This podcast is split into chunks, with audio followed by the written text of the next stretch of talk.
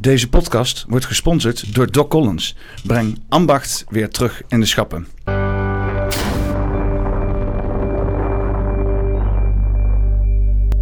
Welkom bij Poppenkast nummer 140 alweer. Uh, ik zit hier vandaag met uh, Ellen. Hi. Welkom. Dank je.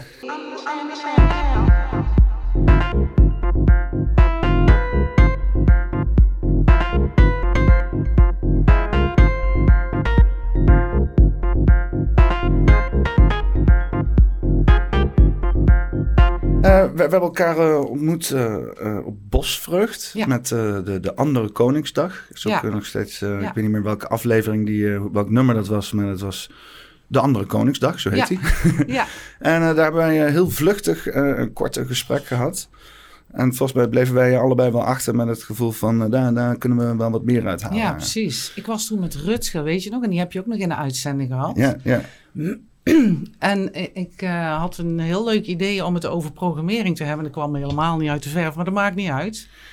Um, go with the flow. Dus ik dacht, nou, ga het nou maar gewoon vertellen. Ja, nou ja, ik vind het leuk. We hebben inmiddels uh, wat sinds Bosvrucht ook weer heel, veel nieuwe vrienden gemaakt en zo. Uh, Ray ontmoet, uh, ja. Don ontmoet, muziek meegedaan. Ook Paul Sluis ook. ja, die ken ik. Die, die was, ja, die... die um, uh, die is nu bezig met een platform, uh, Solflex.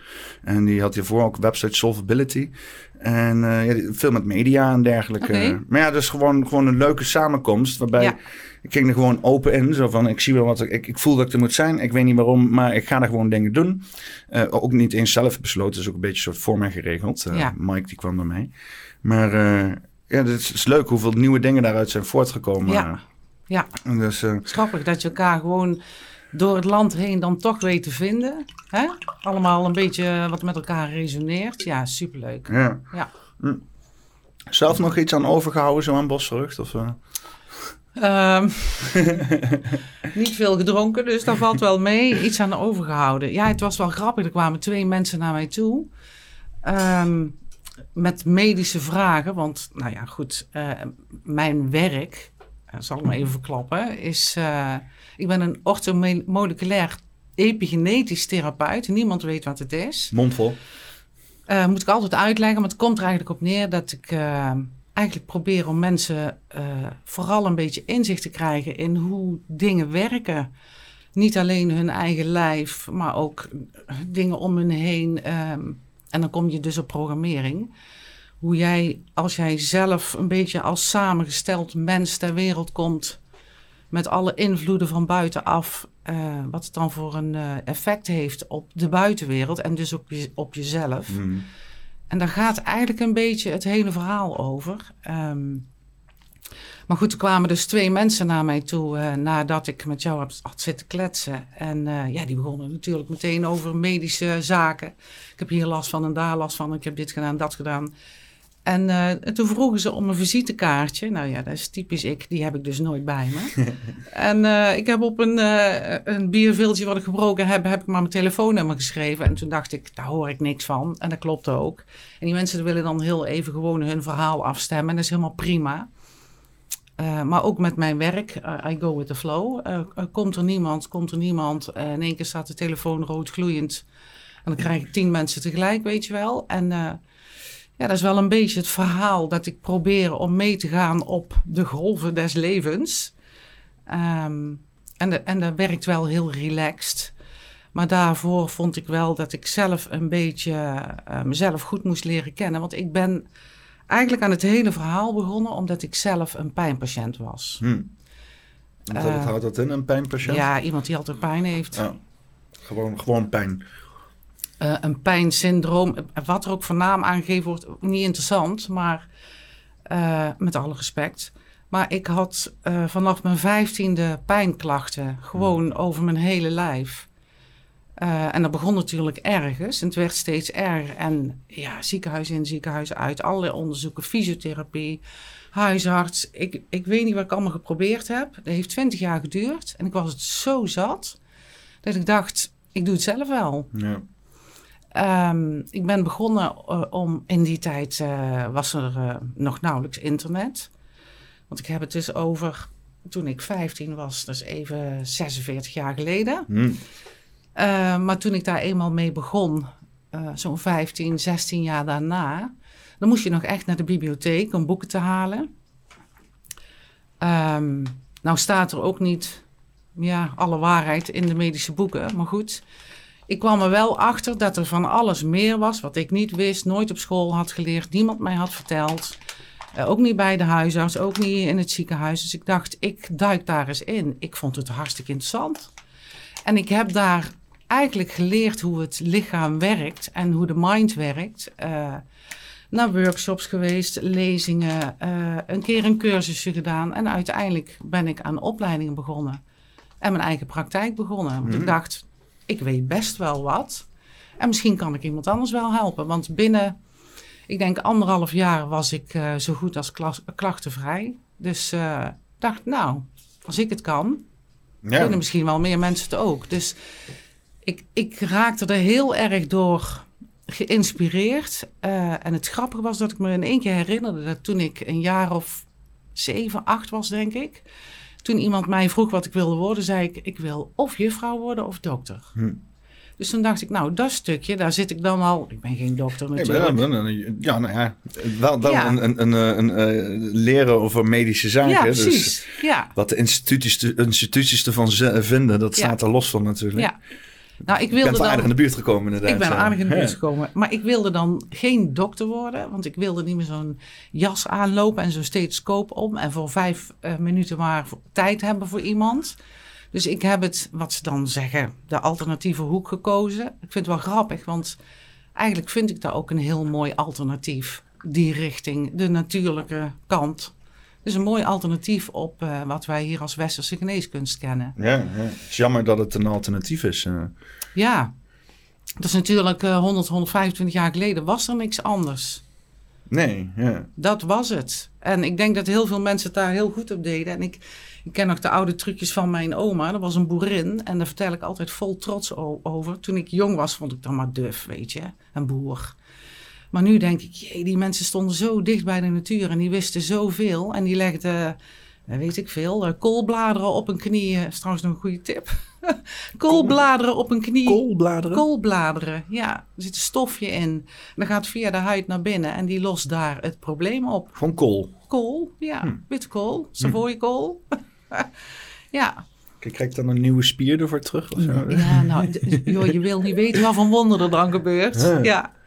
En maar... uh, uh, ja, nou ja, goed. Uh, oma die zei ook altijd, als de natuur het niet kent, dan moet je het niet eten. Dus ja, die vrouw had wel wijsheden. En wel grappig. Dus um, in principe, ik denk dat zij toch wel de laatste generatie was in de jaren 30, 40, die nog op de ouderwetse manier de natuur het medicijn liet zijn. Ja, en daarna is het afgegleden naar, ja... De chemicaliën. Ja. Ja. Ja, ook als ik nadenk over schoonmaakmiddelen en zo. Hè, dat, uh, en ook uh, waar je lichaam mee wast. Uh, shampoo, zeepen. als je ziet wat er allemaal voor meuken erbij is. En ik kom vanuit een marketingperspectief. Dus ik zag al wel vrij snel van... Oké, er worden hier heel veel verhalen verkocht. En hammam, rustgevend voor vrouwen. Dat is ook zoiets. Alsof, alsof, alsof vrouwen een andere huid hebben als mannen. Dat is ook zoiets... Uh, ook voor shampoo. Vind ik ook, dat is voor iedereen heel logisch. Ja, vrouwen shampoo. Ja. ja, ja. Dat vrouwenhaar ziet er heel anders uit als mannenhaar. Ja. En dat moet glanzen en, en, dat soort dingen, weet je wel. En, ja, dat kan alleen maar met vrouwen shampoo. Ja. En ik denk van ja, het zijn helemaal vergeten wat gewoon een beetje, beetje natuurlijke olie hier, een beetje natuurlijk zeepje daar. En dan kan je hetzelfde effect creëren voor uh, een tiende van de kosten van materiaal die je zelf ergens uit een, natuur kan scoepen, bij wijze van spreken.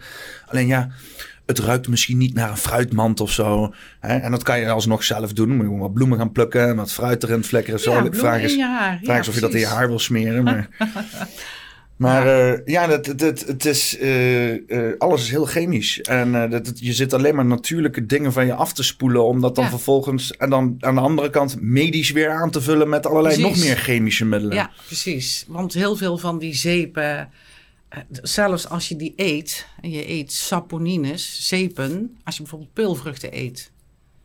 Nou, als je die heel vaak eet, dan spoel je dus het vetlaagje van je cellen af. Ook zoiets. Dus kun je nagaan. Ja, jij zit mij Ja, inderdaad. als je te veel pulvruchten eet, dan spoel je de vetlaagje van je... Ja. Dus niet goed dan, denk ik. Nee, kijk. Oma, hè, daar komen we weer. Oma zei één keer in de twee weken witte bonen eten. Niet meer. Nou, nou, die had helemaal gelijk. Ik snap niet waar ze vandaan haalt, maar ze had gelijk. Ja. Ja, saponines. Ja, savon, het woordje, Franse woordje voor zeep, hoor je daarin terug. Ja, en dan spoel je dus de vetten en dus ja, als, het, uh, als het aan die kale kok ligt, eh, die Herman uh, met, met al zijn messenset en zo, dan moeten we elke dag hakbonenmix eten. Oh ja, ja, ja. Nee, helaas. Ja, nou, daar, heb je het alweer. Oh. Uh, dus die, wat jij zegt, als je elke dag zeepen gebruikt, dan was je dus ook de vetlaag van je lijf af. En dan moet je natuurlijk weer naar de dermatoloog, want dan krijg je schrale huid en eczeem, et cetera. Ja. ja. En ja, zo vult de ene broekzak zich weer, hoe zeg je dat ook alweer, met de andere. Nou ja, het is uh, per broekzak, dat. Ja, ja, ze hebben er een goede business van gemaakt. Ja, uh, als je aan de ene kant een producent heeft die uh, nadelige effecten creëert bij de gebruiker daar, dan popt er weer aan de andere kant een bedrijf op. Is net dezelfde financierders toevallig, die de oplossing biedt voor, voor dat probleem. Ja. En dat, dat, doen we nou al volgens mij ja, dan 100 jaar of zo. En uh, het zitten alleen nog maar problemen die we zelf gecreëerd hebben in ons lichaam en in de maatschappij zitten we alleen nog maar op te lossen. Ja. En het grappige is dat um, eigenlijk voelen we wel dat het niet klopt, maar we weten niet zo goed wat we ermee moeten doen. Want daar wordt niemand geleerd, ook niet in het onderwijs. Nee, uh, het heeft bij mij ook heel lang geduurd vanaf het moment dat ik wist dat ik mezelf aan het uh, insmeren was met chemie en dat dat niks bijdroeg aan mijn lichaam. Tot op het moment dat ik nu ben gekomen met gewoon uh, een, een doodnormaal stukje zeep, groene zeep. En een of andere uh, fluorvrije tandpasta en that's it. Goed en dat is, dat is, maar dat heeft, dat, ja, dat heeft ja, ik weet het al vijf jaar. Maar voordat het echt geïnternaliseerd is en dat je denkt, oké, wat dan? Want ik heb ook de tijd, dan, dan, val, dan val ik weer in de, in de, in de niet opereren functie en dan ga ik gewoon niks doen. Ja. Ik heb wel een maand niet gedoucht of zo. Nou, na een maand kom ik erachter van, ja, is ook niet... Ik ruik niet, niet, meer naar, niet meer naar bloemetjes. ja, dat sowieso niet. Nee, nou ja, ja het, is, het is gewoon... Uh, uh, ja, je, je, verliest gewoon... Ik had het met voeding ook gehad. Je verliest gewoon motivatie om dan inderdaad van jezelf te houden. Omdat het onmogelijk lijkt om te doen met alle dingen in jouw omgeving. En het, het, antwoord van... Ja, maar je moet het gewoon simpel houden. Gewoon dit stuk vette zeep wat naar olie ruikt. Of uh, baksoda voor je kleding of zo, dat soort dingen. Nee, ja. in het begin, nee, ik zie ja, nee, maar ja, nee, nee ja, dat, dat, kan toch niet, je wel? En totdat je het inderdaad hebt staan en voor je het weet zit je gewoon elke dag eh, je kleding te wassen en zout en ja. ja, je, je, je, je, lichaam te wassen in een stuk olie. En het voelt beter als ooit. Ja. Het voelt zo geweldig. Het is, ja, ik weet niet, het voelt ook gewoon goed. Je hebt ook gewoon die hele associatie gekregen met al die producten, dat je denkt van dat het allemaal chemicaliën zijn. Ja, maar dat is het, het ook. Niet. En alles dringt door in jouw huid. Het zit allemaal binnen in ons. En dat is ook zo'n mooie truc van een wasverzachter bijvoorbeeld. Hè? Dat uh, lekker als laatste spoel uh, laagje en het zit op je huid. En je moet dus een beetje een warme huidtemperatuur hebben. En de wasverzachter gaat lekker naar binnen. Ik ben heel snel opgehouden met wasverzachter. Ik had dat nooit gesnapt. Uh, ja. Het is wel grappig dat we het in één keer over wasverzachter hebben.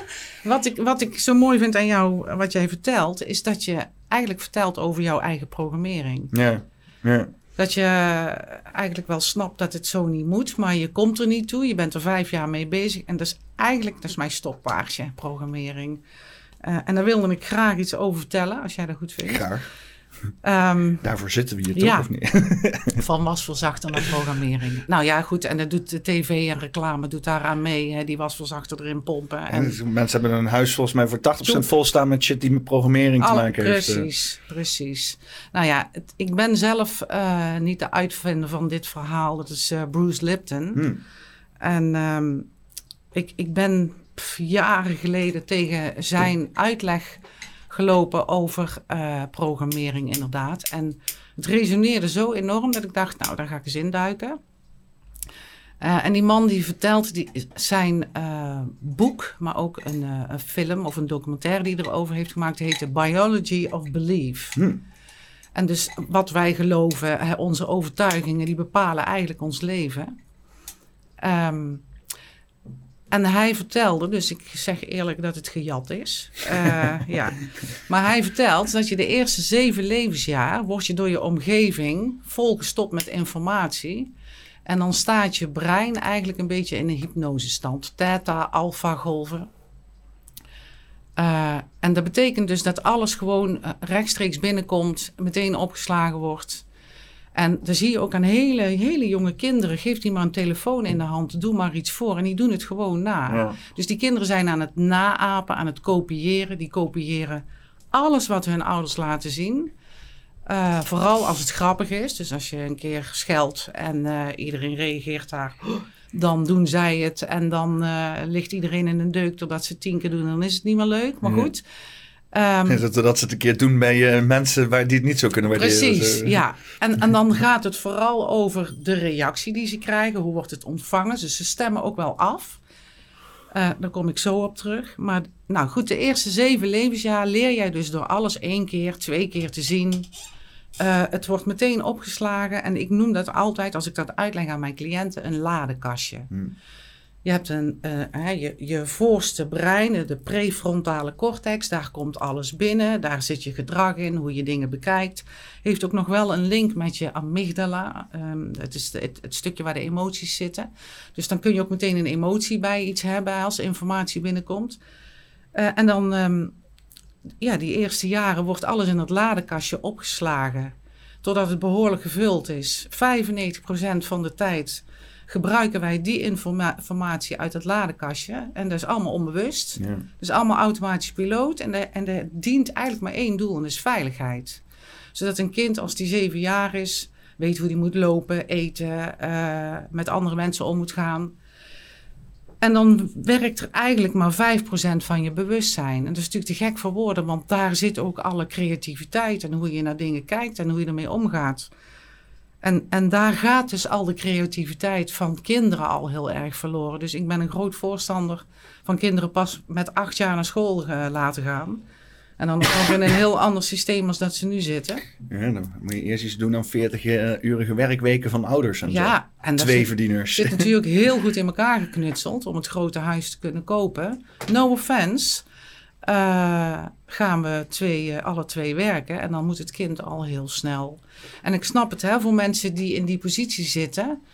Um, maar goed, ik, ik denk dat het goed is als ouders ook in de gaten hebben dat dat misschien ook wel een programma is. Ja, ja maar het, een groot huis willen voor je familie, uh, dat wordt ons ook aangepraat. Ja.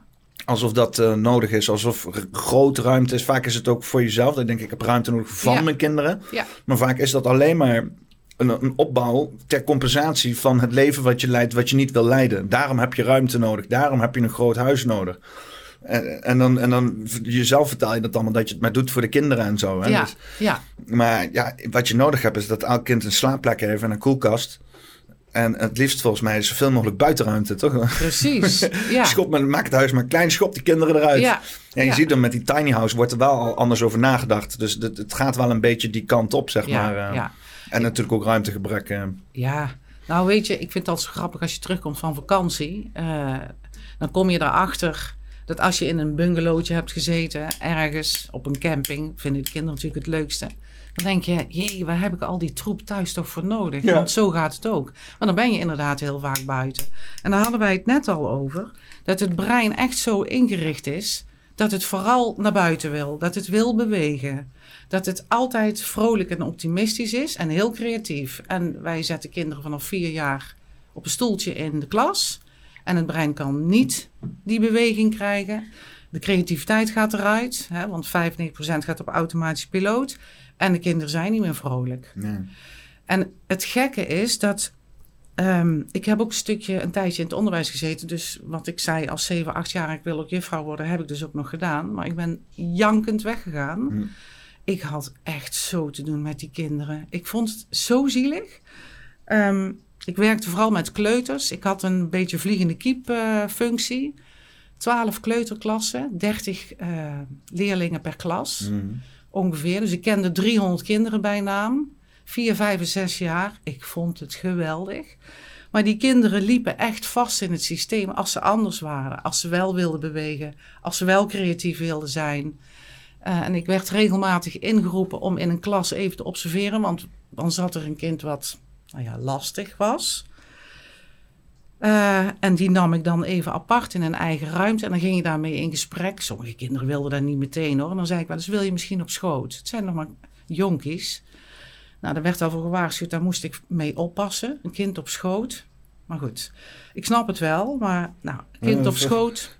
Vanwege wat? De, Ja, onzedelijke... Oké, ja, ja. De, de bank zijn er allerlei Benno-L-achtige praktijken ja, gaat ja. uitvoeren. Ja, goed. Ik ben zelf moeder. Ik ben oma. Dus kind op schoot tegen je aan. En langzaam kwam het dan eruit. Dan was het konijn dood. Ja, snap ik dat jij in de klas je niet happy voelt. Als je heel verdrietig bent omdat je je konijn ochtends dood in, uh, in de schuur hebt gevonden. Hmm. En het gekke is, daar is dan of geen ruimte voor. En ik snap er wel dat zo'n juffe druk heeft met 30 kinderen.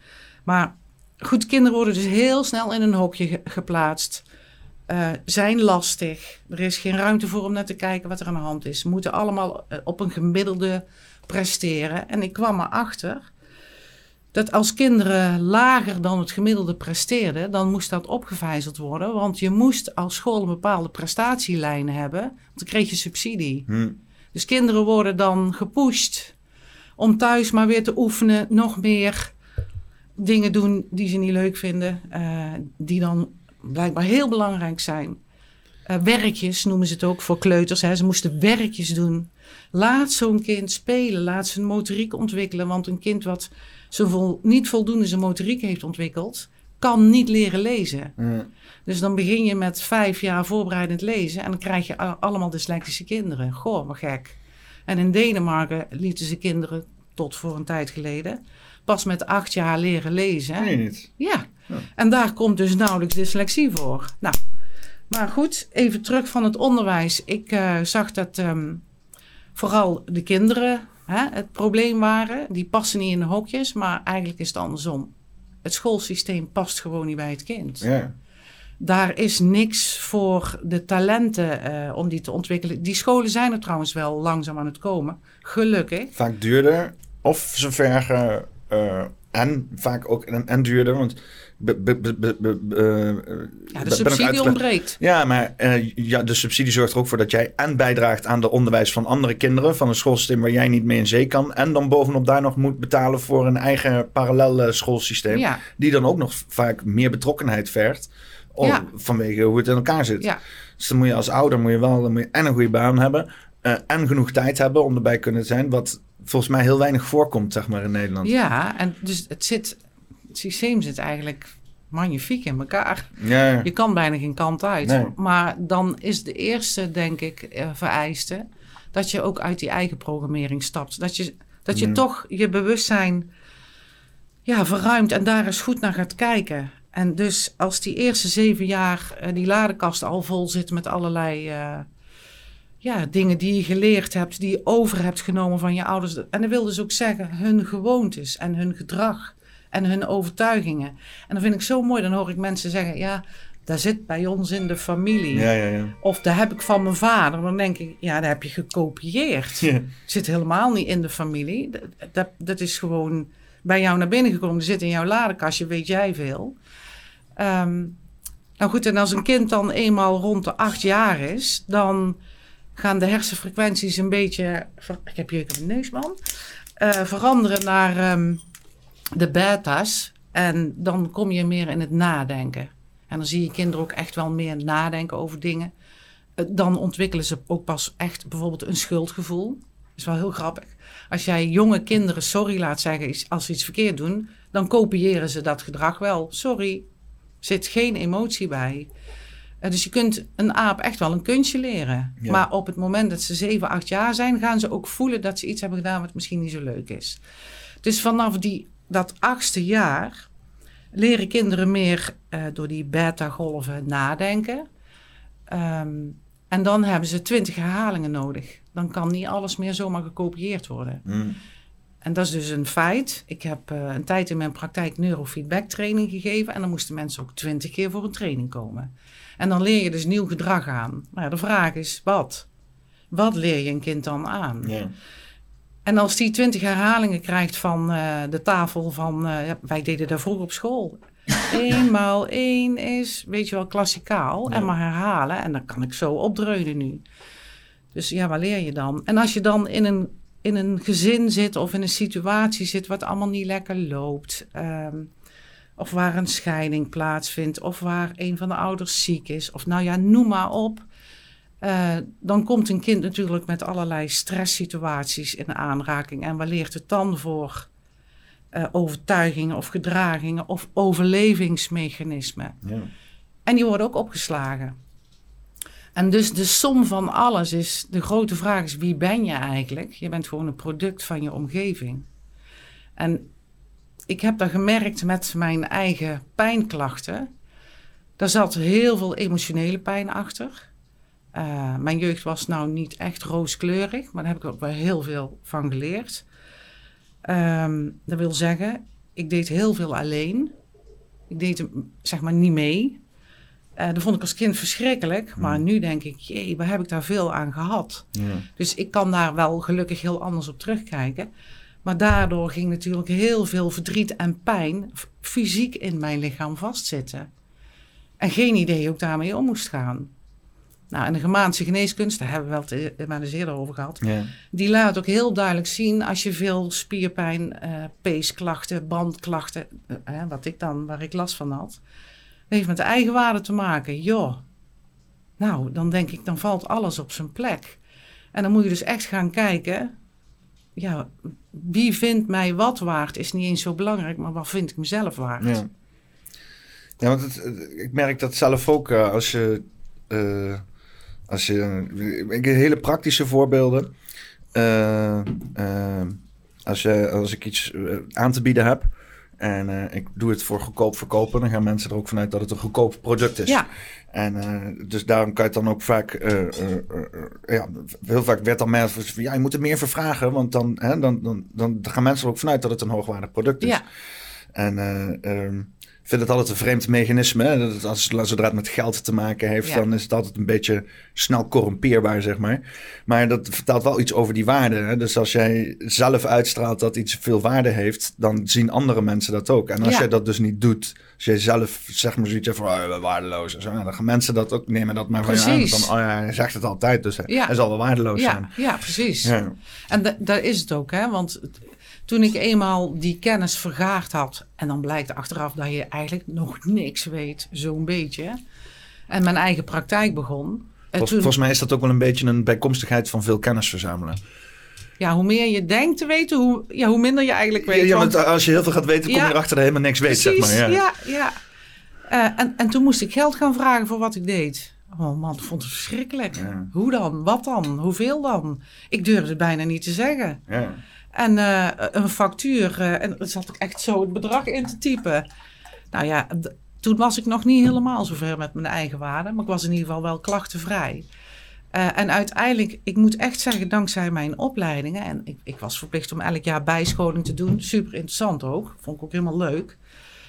Um, kwam ik er wel achter dat er toch nog wel iets meer was dan dat het alleen maar over geld gaat.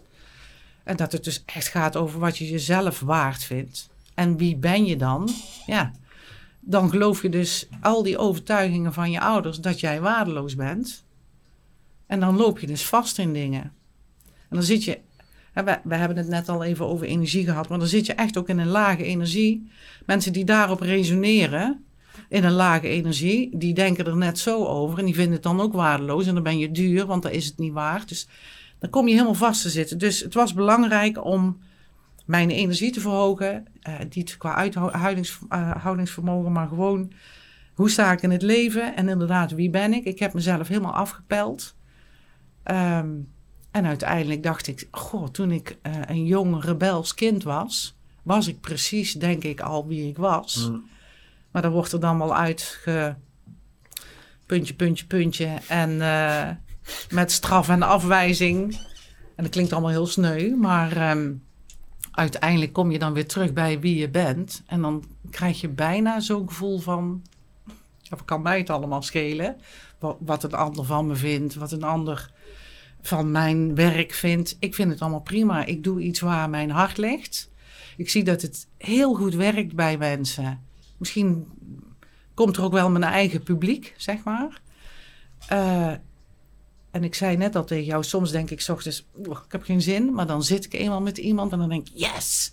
Dan gaan we weer aan de gang en dan leef ik helemaal op en dan, dan kan ik ook mezelf zijn. Dus er is geen verschil tussen wie ik ben als vrouw en de therapeut. Het is gewoon één en hetzelfde. En ik loop dus vooral de laatste twee jaar, nu we in deze shitshow, mag ik daar zeggen, altijd, zitten. altijd mag het een shitshow noemen. Ja. Zie ik dat mensen hier vooral tegenaan lopen. Die komen allemaal met hetzelfde verhaal. En dan stel ik ook die vraag: wie ben jij eigenlijk? En dan noemen ze eerst hun naam. Of ja, ik ben een moeder. Of ja, maar wie ben jij? En je bent dus een optelsom van al die overtuigingen. En nou, waar ik mee begon met uh, Bruce Lipton. Die vertelt zo mooi dat al onze cellen. Uh, daar, daar zit een voltage in. Er zit een, een, uh, aan, de, aan de binnenkant zit kalium, negatief geladen. buitenkant zit natrium, positief geladen. nou, mag je allemaal vergeten. Maar uh, daar is dus uh, sprake van elektriciteit, van ja. energie, van frequenties. Ik noemde net al die breinfrequenties. Dus wij zijn eigenlijk gewoon één bonk frequenties met een vleespak eromheen. En daarom kunnen wij ook energieën voelen van andere mensen. En voelen we ook dat iemand niet lekker in zijn vel zit. Nou ja, letterlijk dus. Ja. Um, en kun je ook laag energie, energie zitten. En wij noemen ook de termen, ik moet me even opladen. En dan denk ik, wat grappig. We ja. gebruiken zonder te weten continu, continu die termen. Nou, en uiteindelijk uh, krijgen al die cellen signalen van het brein. En dan is maar de vraag wat daarin zit. Wat is daar geprogrammeerd? Wat voor een signalen geef je af? En jouw stem zijn frequenties.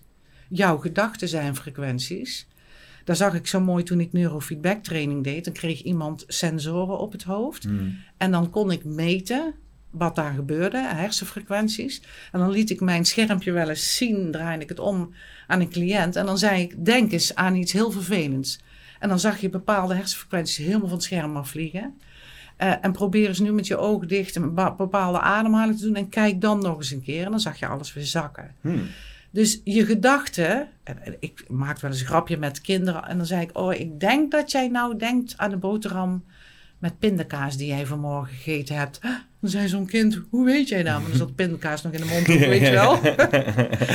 maar goed. Is dat met van die uh, ECG? Uh, ja, uh... ja. maar je, je stopt er niks in, hè? je meet alleen. Ja, ja het is gewoon een stekker op het hoofd. Die, stekker toch? Hoofd. Ja, vier punten heb je sensoren zitten. En je meet de hersenfrequentie. en die komen via een glasvezelkabel heel snel binnen in een, uh, op je computer waar een bepaald softwareprogramma zit die het omrekent en het zichtbaar maakt hm. in een grafiek. Uh, dus eigenlijk een loop van informatie. Dan gaat van daaruit weer een draadje naar een tv-scherm waar de cliënt naar zit te kijken. En die ziet dan, die mag een film kijken of die kan uh, naar muziek luisteren waar een afbeelding bij zit. Um, ja, hoe heet zo'n ding? ja, allerlei bewegende golven, zeg maar. En op het moment dat er dan een instabiliteit is in die hersenfrequenties, dan wordt dat razendsnel gemeten en dan stopt voor een fractie, echt milliseconden, het beeld uh, of de muziek. En in het begin zie je nog dat die cliënt een beetje merkt zo van, hè, maar dat is dus de bedoeling. Wat er dan gebeurt is dat door die feedback, dat even stoppen van die info, gaat jouw brein reorganiseren komt weer even in een stabiele fase. En van daaruit gaat hij weer verder. Hmm. Nou, dan raakt hij weer even van slag, door wat dan ook. En dan train je, eigenlijk tik je die, die hersengolven zeg maar een beetje op de vingers van... foei, nu gaat het niet goed, instabiel, even opnieuw stabiel worden. En dan train je dus het brein. En wat ik daarbij merkte was dat het fantastisch hielp.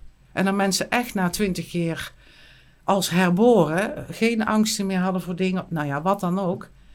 Maar soms kwam het terug. En toen dacht ik, hier sla ik toch ergens de plank mis. Want dan bleek dat de situatie waar ze in zaten, hun omgeving veranderde hmm. niet. Ja, ja, ja. Als bijvoorbeeld slecht... Wat was zeg maar een symptoom van hun omgeving. Ja, ja precies. Ja. Uh, en, en dan kwamen ze eigenlijk door de reactie van andere mensen in hun omgeving toch weer langzaam terug in hun oude patroon. En dus dan moet je ook je omgeving veranderen. Of echt wel een besluit nemen. Daar ga ik mijn grenzen trekken. Hmm. En als jij uh, problemen hebt in je huwelijk.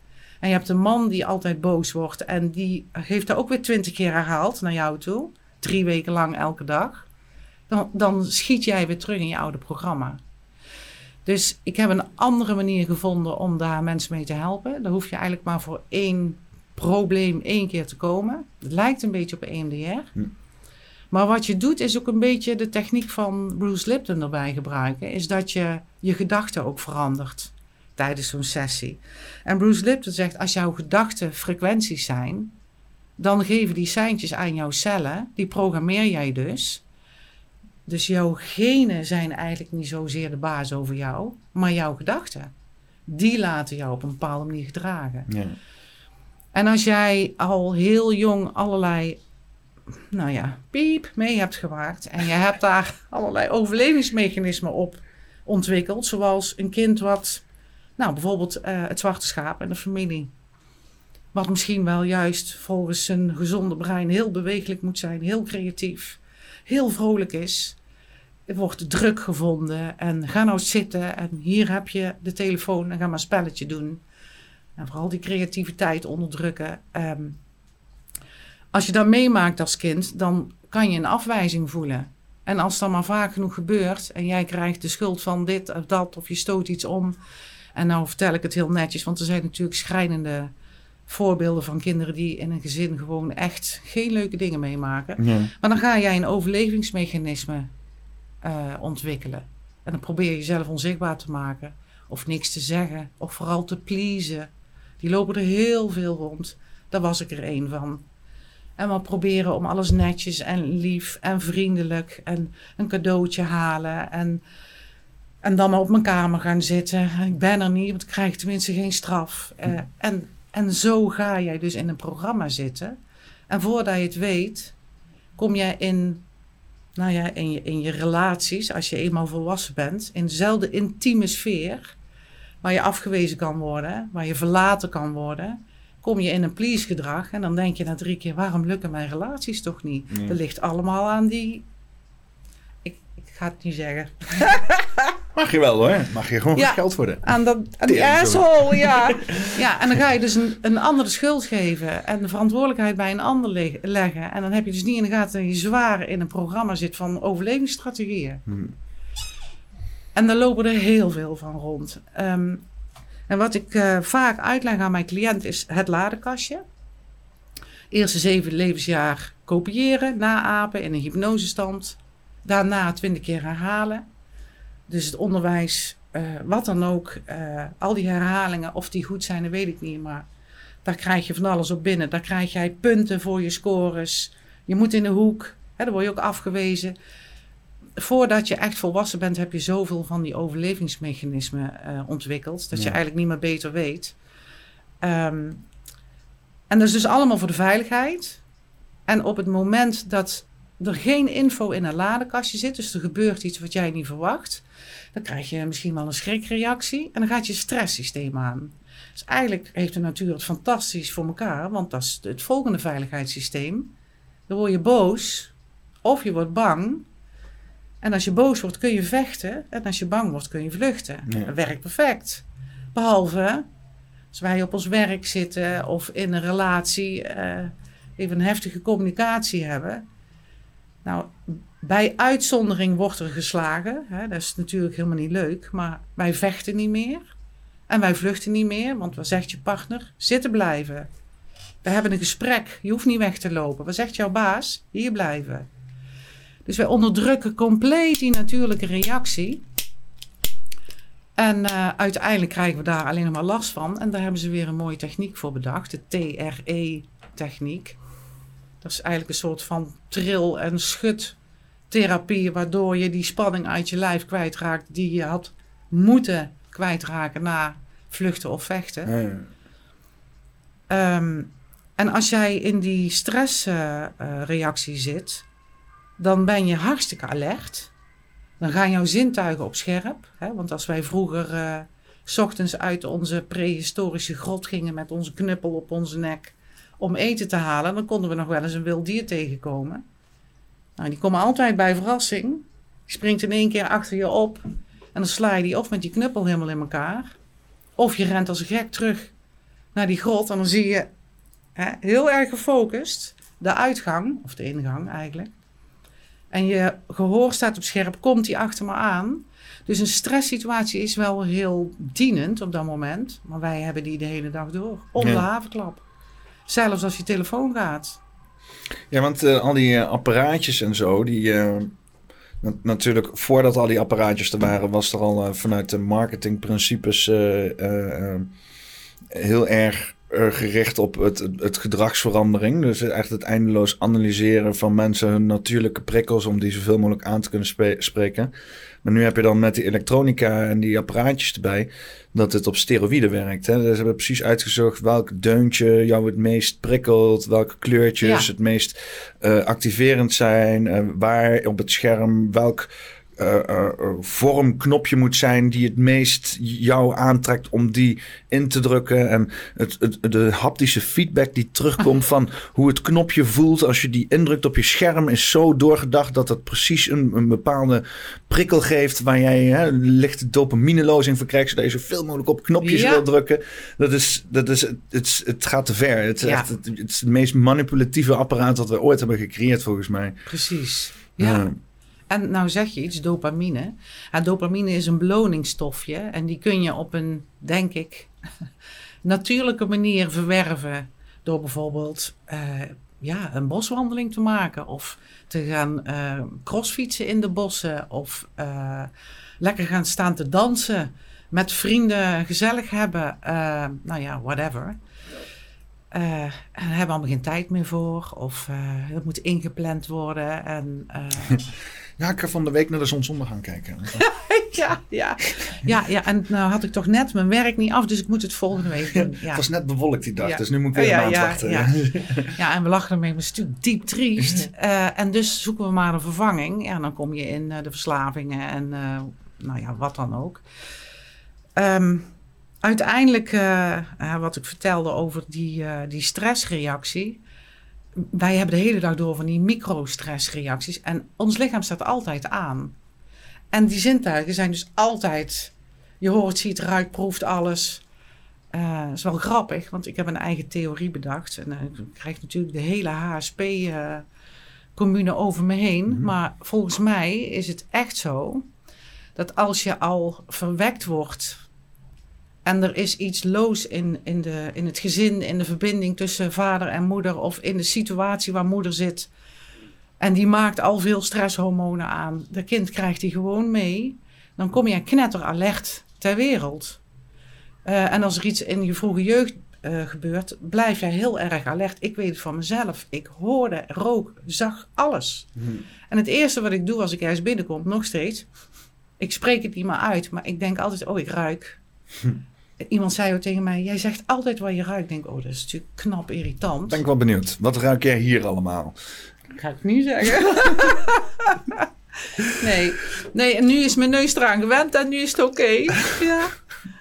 En er is wel... opruimen uh, en schoonmaken schijnt ook dopamine uh, Ja, zeker. Ja. Dat is heel grappig, want dan kom je in een soort meditatieve staat ook nog eens. Ja. ja. En uh, dat, krijg je een, een, default reactie in je brein. Die gaat ook spullen opruimen in je, in je brein. Daarom voelt dat zo lekker. Niet als je eraan moet beginnen, maar daarna... Nee, dat is het inderdaad, die drempel. Ik zat laatst wel naar mijn bureau te kijken en ik denk van... Misschien is het wel echt fantastisch als je niet zoveel tyfuszooi ligt. Ja, dat is gewoon helemaal klaar. Ik merk ook wel dat ik de laatste tijd een beetje rommelig ben in mijn hoofd. Volgens mij uh, moet ik weer opruimen. Helemaal als jij mijn geur, van mijn huis niet durft te bespreken. Hier. nee, ondefinieerbaar. Nee, nee. Heel persoonlijk. Een beetje flauwekul. Nou ja, jij had het net over uh, allemaal naar zeep ruiken en weet ik veel. Maar onze natuurlijke geur is helemaal foodsie. Ja. En dat is nou net zo grappig. Uh, als jij we skippen even een stukje, maar als jij verliefd wordt op iemand, dan is het de bedoeling dat je op die natuurlijke geur valt. Want dat geeft een signaal of die bij jou past, bij jouw bloedgroep, zal ik maar zeggen. En dan maskeren wij allemaal. Dus ik ben all for terug naar uh, de meer natuurlijke geur. Ja. En dan uh, hebben ze het heel slim gedaan om hier en daar een beetje musk in uh, te verpakken. Want ja, dat is gewoon de urine van een muskusrat. Of van een, was het ook weer een hert of zo, geloof ik de fuck? Wat? Ja, ja, ja. ja. gewoon in, uh, gewoon deo's, zeepjes, dingetjes doen ze gewoon ja. musk je, van een dier. Dan ruik je naar urine. Dat is een beetje een natuurlijke geur. Ja. Is toch... Moet, Ja. Moeten mensen geuren ruiken? Niet uh, straks ja, iedereen... precies. Ja. Ik krijg allemaal rare bestiality praktijken straks. Uh, ja, maar zo zie je maar dat uh, men speelt overal op in en maakt overal geld van. Ja. En aan de ene kant denk ik, ja, nou, waarom niet? Gelijk heb je, maar je hoeft er niet aan mee te doen natuurlijk. Ja. Nou ja, op het moment dat, uh, even terug naar als zo'n kind, want ja, daar gaat mijn hart dan heel erg naar uit, vol zit met overlevingsmechanismen. Um, en uiteindelijk als cliënt bij mij komt, dan hebben die heel vaak, net als ik, daarom was het een mooi voorbeeld voor mezelf, veel pijnklachten. En dan wil ik graag weten, ken je nog uh, Jurgen Rijman, die op tv kwam en zei, als hij iemand ontmoette, wie is je vader, wie is je moeder? Oh ja, ja met die... Uh, Tante die, S. Tante S, ja. Ja. ja. ja. Dus, laat, uh, Ja. Hij was laat, toch? Een switch. Ja, ik, ik heb al jaren geen tv meer, maar eh, ik kan me nog Ja, herinneren. Raymond is laat, dat is het Oh ja, Raymond is laat, ja. Wie is je vader, wie is je moeder? Maar als je dat aan een, van een cliënt hoort, dan weet je eigenlijk hoe een cliënt in elkaar zit. Ja. Want die heeft daar van alles van meegepikt. Natuurlijk ook wel een stukje van, dat is een beetje die reclame, hè? een stukje van mezelf en een stukje van.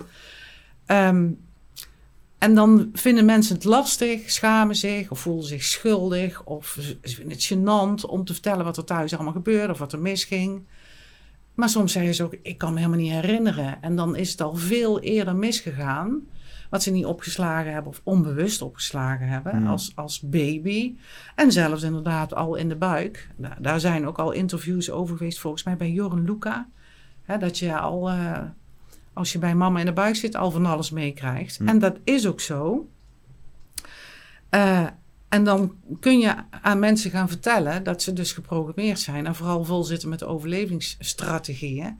En die kunnen gaan afleren, dan komen ze weer bij zichzelf. En dat is natuurlijk knetter moeilijk, want hoe doe je dat? Nou ja, daar kan ik dan bij helpen. En nou, meestal heb ik drie of vier afspraken nodig en dan kunnen ze het zelf. Want ze moeten dus ook niet afhankelijk worden van mij. Maar als je het goed uitlegt, en nu gaan we even van de hak op de tak. eh, dan kunnen ze daar wel wat mee. En vooral laten weten dat wat ze voelen is ook echt. Hè? Ze zitten ook vol met pijn. Ehm, en er is nog een stukje dat als mensen er een beetje uit geraken en snappen dat ze heel veel dingen opslaan en dat ze ook alles vanuit een overleving doen en hoe ze weer terug moeten naar het leven, dat ze dingen mogen afleren. Maar dan komt het waarom jij zei, dat vind ik altijd zo lastig, want dan staat het wel, maar voordat ik er dan aan toe kom, dat lijf wil helemaal dat programma niet loslaten, want krijgt daar de dopamine van. Dat is de beloning, Ja. ook al is het negatief. Het is een soort verslaving bijna. Precies. Ja. En jouw cellen hebben al die tijd die informatie gegeven aan elkaar van als dit gebeurt, dan produceren wij dopamine. eh, en dan produceren wij dit, dat, adrenaline, eh, cortisol, eh, noradrenaline. En dan raak je knetter verslaafd aan. En dan krijg je zo'n raar selectieve blik op dingen. Dat doet, ja, ik zeg altijd, dat doen de cellen zelf. Die zeggen maar, als er iets leuks gebeurt, van de tien dingen, negen leuke dingen en één ding gaat fout, moet je daarop letten. Want dan kunnen wij weer dat programma aanzetten en dan krijgen wij weer die stofjes. Ja. Dus eigenlijk even heel simpel Jip en Janneke uitgelegd. En ik noem daar altijd het duiveltje op de schouder en het engeltje. En de engeltje, daar ben je zelf. Ja, dat is wat goed weet, wat goed voor jou is. En het duiveltje is dat programma. En dan zegt dat duiveltje, doe maar, doe maar. Kies er dat ene, val maar over dat ene woord. Zeg maar dat je het niet kan, want dan krijgen wij die stofjes weer. Dus het is echt een verslaving. Hm. En dan moet je dus twintig keer weer dingen herhalen. Drie weken elke dag opnieuw. Voordat je eruit bent. Nou, en dan, en dan moet je willen. ja. Dus een belangrijke vraag, dat noemen ze de Sedona-techniek, is: ehm, wil je hiervan af waar je in zit? Nou, dan zegt iedereen ja. Kun je er vanaf? Ja, dan begint hij al, hè? Kan jij niet, want dan mis ik al die stofjes. Dan zie je mensen al twijfelen. Ja, dan moeten ze al zuchten. En, nou, er zijn mensen die zeggen ja. En die hebben zoiets van: dat is mijn besluit. En vanaf wanneer? Dat is een hele belangrijke. En dan moeten mensen ook over nadenken. Dan denk ik, dan verwacht je toch dat ze zeggen, ja, nu, meteen. Eh, ik weet niet hoe lang ik erover doe, over drie weken of zo. Ja. En, en dat is allemaal programma wat je hoort. Nou goed, als ze uiteindelijk tot het besluit komen dat ze het willen en kunnen en nu, dan moeten ze aan de bak. Nou, dat is, het is doodeng. Want het brein kent niet wat er nu gaat komen, zit niet in het laadje, krijgen ze stressreactie, dus tweede veiligheidssysteem. Nee. Die mensen zitten met een hartslag in de stoel, met knikkende knieën. Ja, ik, ik heb daar heel veel compassie mee. Ik ken het natuurlijk. Nou ja, en dan, oeh, tweede keer. dan, uh, dan, dan moet je er dus doorheen helpen. En dat doe je door compassie te hebben, maar ook een schop onder die reet te geven af en toe. Want uh, ja, super interessant. Heel leuk om te zien als ze het eenmaal doorhebben. En dan gaan ze ook letten op al die gedragingen die ze al hebben. Ik heb weer een programma ontdekt. Super trots, hè, komen ze dan binnen. Dat is, dat is echt heel leuk. Um, maar dan moeten ze nog wel die pijn die ze hebben opgeslagen kwijt. Nou, dan komen we weer terug op de Germaanse geneeskunst. Uh, die zegt dat al die pijn een functie heeft, want je bent in een herstelmodus. Maar omdat die programma toch weer steeds aan die pijn herinnert, ga je even in herstel, dan weer niet. Dan weer wel, dan weer niet. Dus dan kom je er bijna niet uit. Net, en dan, niet tot de kern elke keer. Uh... En dan denk je dat je ziek bent. Ik ben ziek. Nou, zeg daar ook maar twintig keer tegen jezelf. Ja, dan word je ziek, ja. Uh, je kent denk ik het voorbeeld van de man die naar de dokter ging. Dus, dus geen mop. Uh, Dick Bell. Ik, ik heb twee of drie jaar geleden van Dick Bell nog een bijscholing gehad. Of in ieder geval een lezing tijdens een bijscholing. Dat is een oud huisarts. Ik denk niet... Ja, ik denk wel dat je hem kent. Want, Komt niet geheel onbekend voor die, die naam. heeft in, in de afgelopen jaren zijn stem wel laten horen. Uh, mooi integer man die heel rustig praat en over zijn ervaring als huisarts. En die vertelde het voorbeeld, heeft trouwens heel veel uh, onderzoek gedaan naar medicijnen. Uh, de pharma, 25 jaar, mooie dingen ontdekt. Uh, ook aangekaart dat sommige dingen echt niet door de beugel kunnen. Maar goed, die vertelde ook, als, als dan een man bij de dokter komt als patiënt en die heeft een longontsteking en die wordt doorgestuurd naar het ziekenhuis. En dan wordt gezegd, nou, wij zien plekjes. Uh, die heeft longkanker. Verkeerde diagnose dan, hè? En de man die met longkanker komt en die wordt door de huisarts gezien: oh neem maar een antibiotica kuurtje mee, want je hebt longontsteking. Nou, wie denk je wie gaat overlijden? De man met longkanker die verkeerd gediagnosticeerd is, die krijgt te horen dat hij longkanker heeft. En zo werkt dat dus in dat brein. Dat, die informatie geeft meteen een stressreactie. Uh, jouw gedachten gaan allerlei doemscenario's. En, en hoe lang heb ik nog? Ook zo'n vraag die meteen gesteld wordt. Nou, dan ben je nooit blij met de uitkomst. Je wordt bijna klaargemaakt om te sterven. Precies. En ik zeg niet dat het met opzet is, maar die gedachten die dan invloed hebben op jouw cellen. Maar wat denk je wat jouw cellen voor een programma gaan maken? Dus het mooie voorbeeld is dat je een placebo-effect hebt. Rara, hoe kan dat? Eh, je krijgt een pilletje. Het zijn geen suikerpilletjes meer, vroeger wel. Uh, maar je krijgt een pilletje waar, waar geen werkstof in zit. En jij gelooft dat het jou helpt en jij wordt beter. Ja. Dan kun je zien hoe sterk jouw mind is, jouw gedachten, wat die van invloed hebben op jouw gezondheid. Dus wij worden vooral ziek door onze gedachten, zoals Bruce Lipton zijn. En zou, er zijn nog twee andere uh, categorieën. Toxines. Nou ja, die Kijk maar even naar de lucht als het mooi blauw is, hè, waar we dan allemaal langs zien komen. Uh, maar ook in ons eten en in water en noem maar op.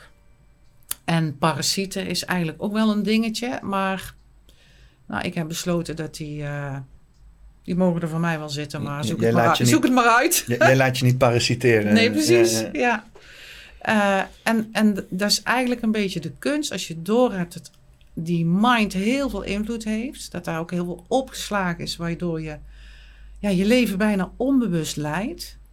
Waarbij je vergeet zelf na te denken, creatief te zijn. Dan is het eigenlijk de, de vraag: wil je je bewustzijn verruimen? Wil je jezelf afpellen? Wil je eigenlijk kijken wie je echt bent? Hm. En dan, ik, ik, heb dat proces zelf ook doorgemaakt. Je bent nooit klaar, denk ik. Uh, maar dan ga je zelf echt wel nadenken. Dan kom je, het klinkt zo flauw, hè, in je kracht te staan. Maar dan sta je ook echt voor wie je bent. Er komt niemand aan. Niet zonder mijn toestemming in ieder geval. En dan durf je nee te zeggen. En uh, ja, zoals wij in Brabant zeggen, maakt mij de pis niet lauw. Dat was de carnavalsnummer hè, van Theo Maassen. Nee, dat maakt mij niet. Maakt mij niet. Maakt, maakt mij de pis niet. Nou ja, ja, dat was hem. en ik hoop uh, dat mensen nu in deze situatie, veel mensen zijn bang. Nou, uh, krijg je alweer het verhaal. Stressreactie, bladibla, komt overlevingsstrategie. Hoe oud is die al niet? Waar komt die vandaan? Ga eens kijken of je weet wat vandaan komt. Waar je voor het eerst hartstikke bang was. Uh, of wat, misschien wel wat was de laatste keer. Wil je daar iets aan doen? Dan ruim je dus heel dat spoor in één keer van toen naar nu op. En dat is prachtig. Want dan is het al, heb je zelf gepresteerd. Kun je trots op jezelf zijn. Dan kom je al dichter bij ja, je eigen waarheid, bij je eigen gevoel. Uh, voel je je ook beter. En dan ga je merken dat zo gauw je in een bepaalde situatie komt, waar je denkt, hmm, ik weet niet wat er aan de hand is, dan zegt jouw lichaam direct, die geeft jou meteen een signaal, dit klopt niet. Maar wij hebben geleerd om daar niet naar te luisteren. Stel je niet aan, doe niet zo flauw, doe nou maar mee. En daar ga je ook steeds meer ontwikkelen. Nou, ik vertelde je, ik wil het toch vertellen. Het verhaal van mijn kleindochter. Ik, ik vind het hilarisch. Ik ben zo trots op die meid. Uh, negen jaar. Ik heb dit soort gesprekken ook met mijn kleinkinderen. Maar dan Jip en Janneke. Maar ook, dan vraag ik ook, wat vind je ervan? Want ik hoef niks op te dringen. En het is mijn waarheid, hoeft niet hun waarheid te zijn. Maar die vinden dat wel interessant. En die beginnen daar dus dingen van mee te krijgen. Dus zij zat drie weken geleden in een uh, warme temperatuur in de gymzaal. Heel sportief kind, altijd aan het bewegen. Maar ze was moe en ze ging op het bankje zitten. En de juffrouw kwam langs en zei: uh, Wat ben je aan het doen? Ja, ik ben even uit aan het rusten. Ja, maar dat gaat zomaar niet. Jawel, want ik luister naar mijn lichaam. en de juffrouw die ging er nog even op door en die vond eigenlijk dat ze een grote mond had. Nou, dan heb ik zoiets van: Pat, de, de kind zegt zo goed wat het voelt. Uh, zorgt heel goed voor haar eigen lijf. Komt voor zichzelf op. Denkt zelf na. Nou, er zijn allemaal componenten die we allemaal een beetje vergeten zijn. Uh, komt gelukkig allemaal weer terug. Uh, en ze heeft dus een grote mond. Dus dat betekent dat je of straf krijgt, afgewezen wordt. En toen kwam de dreiging ook nog, de ga ik tegen je moeder zeggen. Nou, dat was helemaal prima. Ook aan me doen, daar geeft mijn moeder niks om. Nee. Dus ik vond het hilarisch. En ik heb daarna gezegd, dat heb je heel goed gedaan. Niet uit disrespect voor de juffrouw, maar uit respect voor zelf. Had de juffrouw het nog gemeld bij de moeder? Ja. Oh, dat, misschien loopt ze in te bluffen dan, toch? ja, nee, maar dat is gewoon een gesprekje over geweest. Nou, en dit heet... Ehm, en dan mogen mensen zweven. Heeft die leraar nu iets geleerd? Geen idee. Twintig jaar herhalen, denk ik. Ja, ja. Mijn kleindochter moet er gewoon twintig jaar herhalen. Ja. Misschien gaat ze er wel een spreekbeurt over geven of zo. Dat zou wel leuk zijn. Dat kan dan weer niet tijdens gym, dat is dan weer jammer. Ja, ja maar die zegt dat ook gerust tegen klasgenootjes. Want die staat helemaal achter haar eigen verhaal. En dat vind ik prachtig. Ja. Ehm, en wij kunnen gewoon ook heel veel van kinderen leren. Als wij die een beetje minder, als we daar ons minder mee bemoeien en we laten die een beetje, zoals dat brein eigenlijk zou horen werken, hun gang gaan, dan kunnen wij daar echt heel veel van leren. Ja. Die stellen ook hele goede vragen. En die komen in één keer met een heel ander antwoord. Dat vind ik dan zo grappig. denk ik, ja, daar heb ik zelfs niet over nagedacht. Dus die zijn nog knettercreatief. En die zijn nog niet uh, helemaal over, overladen met allerlei ja, aannames. Precies, overtuigingen van andere mensen. Inderdaad, ja, ja. Nou, en, en dan kweek jij, creëer jij zelfliefde. Nou, en wat ik al zei, dat kan dan zweverig klinken, maar dat is zo belangrijk. Als je uit liefde voor jezelf dingen doet, en je hebt een goed moreel kompas, daar hoeft niemand last van te hebben. Maar dan blijf je, dan, dan hou je je eigen waarde. En dan heb je je eigen wijsheid. Ja. En nu zie ik uh, gelukkig wel dingen veranderen. Hè? We weten natuurlijk allebei waar we het over hebben. Dat mensen veranderen. Zo van, ik ga daar niet meer aan meedoen. Ik trap daar niet meer in. Dan denk ik, hè, hè, je voelt dus waarschijnlijk van binnen dat het niet klopt. Je begint weer een beetje na te denken en te voelen. Je, je staat voor jezelf. Dat doe je je lijf niet meer aan. Nou ja, ik ga er verder ook niet dieper op in. Ehm, dus um, ja, je eigen waarde wordt uh, weer een beetje opgevijzeld. En uiteindelijk voel je dat het steeds makkelijker wordt om dat te gaan doen. Ja. En het grappige is, waar we in het begin dan iets over uh, zeiden, um, jouw energie wordt hoger. Je straalt echt letterlijk iets anders uit. Dan heb je geen schreeuwen nodig, geen grote mond, geen, net als mijn kleindochter. Die hoeft helemaal niet uit de slof te schieten. Die zegt gewoon, ja, En dus als jij dan zo met mensen in gesprek bent en jij vertelt jouw waarheid, want eh, ik vind echt dat je dat moet doen. Nou, je, je moet natuurlijk niks, mag doen. Spreek je eigen waarheid, anders krijg je hier alleen maar last van. Uh, en stel ook vragen aan mensen, maar als jij dan je eigen waarde weer terug hebt gevonden, dan straal je iets anders uit en dan gaan mensen niet meer met jou in boosheid, in, in. Zo gauw jij laag zit, boosheid en verdriet en schaamte zijn al hele lage frequenties, dan resoneer jij met de ander, dan trigger je daar alleen maar. Maar zit jij hoger, dan resoneert het niet meer. Dan kunnen die mensen dan niet meer kwijt bij jou. En daar zie ik aan mensen terug. En ik waarschuw altijd, als jij gaat veranderen. En jij doet bij mij een sessie van, die, dat heet dan Mind Eye Power. Of we gaan hierover in gesprek. En jij verandert jouw programma's. Je gaat bewuster, hè, je vergroot je bewustzijn. Let op, mensen kennen jou niet terug of zeggen dat je raar bent. Gaan boos worden op jou.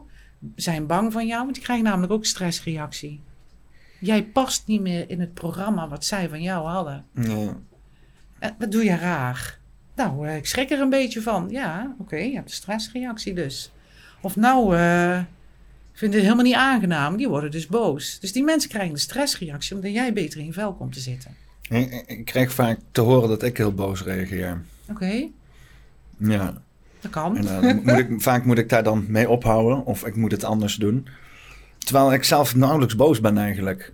Ik reageer misschien wel eens uh, luidruchtig of uh, weet je wel. Ja, maar weet je... En, en, en, en, soms, soms heb ik wel zeg maar een, een, een, best wel een emotie ergens bij zou misschien een lichte frustratie kunnen zijn. En die gooi ik er gewoon uit. Ja, dat mag toch? dat is dat, ja. Ik, ik, ga dat niet, uh, ik ga dat niet lopen indammen om dan een of andere gigantische bal te creëren waar ik uh, allerlei ziektes van krijg. Juist. ik gooi het er gewoon uit. Maar ja, dan zijn er andere mensen die zeggen van, oh, je hoeft niet zo boos te doen. Ik, ik, moet wel boos doen. Ja. Ik voel, dit is wat ik voel, dit moet eruit.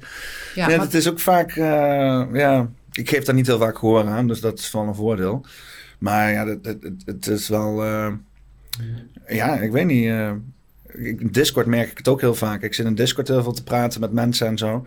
En dan uh, zijn er sommige mensen die, dan, die kunnen er niet tegen als je, als je mhm. boos bent. Ze mm. doe niet zo boos. Ja. Dan denk ik van, maar, maar, dan raak je waarschijnlijk hun boosheid. Ja, nee, ja. ja. het is, uh, ja. Ik vind dat altijd apart. Ja, ik, heb altijd, ik denk altijd meteen aan projectie. En ik denk van, ja, jij, jij, doet, jij zit nu mij een term te geven. Jij bent nu aan het oordelen over mijn emoties. Het is niet alsof ik heb gezegd, ik ben boos. Nee. Ik kan me niet zeggen de laatste keer dat ik dat heb gezegd. En ik wil niet eens boos zijn over dingen. Ik heb helemaal geen zin in. Maar, maar, maar wat is er mis mee met boos zijn? Uh, nou ja, ik ben wel in het verleden echt, echt woedend, ziedend geweest. En dat is gewoon heel oncomfortabel. Ja, dat is gewoon niet. Uh, en ook heel destructief uiteindelijk. Vaak als ik erop terugkrijg, denk ik ook echt van. Ja, daar is niks gunstigs uitgekomen. Nee, nee. Nou ja, dan kom ik een beetje terug bij dat moreel kompas. Uh, als je dan. Maar dat is vaak als ik dus echt heel lang heb ingehouden. En dan Precies. barst het er in één keer uit. Ja. Hou maar eens een bal onder water. Hoe lang hou je daar vol? Ja. Die komt een keer naar boven. En dus dat is hartstikke logisch. En dan heb je waarschijnlijk uh, een paar stressreacties achter elkaar gehad. En dat is natuurlijk uh, hartstikke goed. Daarom zei ik al, wij doen daar niks mee. Dus je zou moeten kunnen vechten en je zou moeten kunnen vluchten. Ja, wij, wij slaan niemand meer in elkaar. Ik, ik, weet nog, jaren geleden had ik nog Facebook. En toen kwam er een, uh, een spreuk voorbij. Die dacht ik, nou die zet ik op mijn... Hoe, noem je het? Nou, die, die ik dan. En er stond op rozen verwelken en scheepjes vergaan. En soms zou ik iemand wel eens op zijn bek willen slaan. Toen dacht ik, ja, ik ken dat gevoel. Ja, dat deed ik vroeger als kind en dan kwam ik mee weg. Maar uh, ja, dat mag niet meer. En natuurlijk, anders wordt het Wild Westen, snap ik wel. Maar zoek een andere, uh, ja, pak een boksbal of een kussen of... Uh, je moet het wel kwijt, want anders slaat het op in je lichaam. En dan heb ik dadelijk een plaatje voor om het te laten zien. Advies, kartonnen doos. Ja. Is echt heel fijn. Ja. Het gaat helemaal kapot. Het is nagenoeg waardeloos. Ja. Het moet vaak toch ingepakt worden om weg te gaan. Ja. Dus zorg dat je een weet je, oude grote doos of zo. Ja.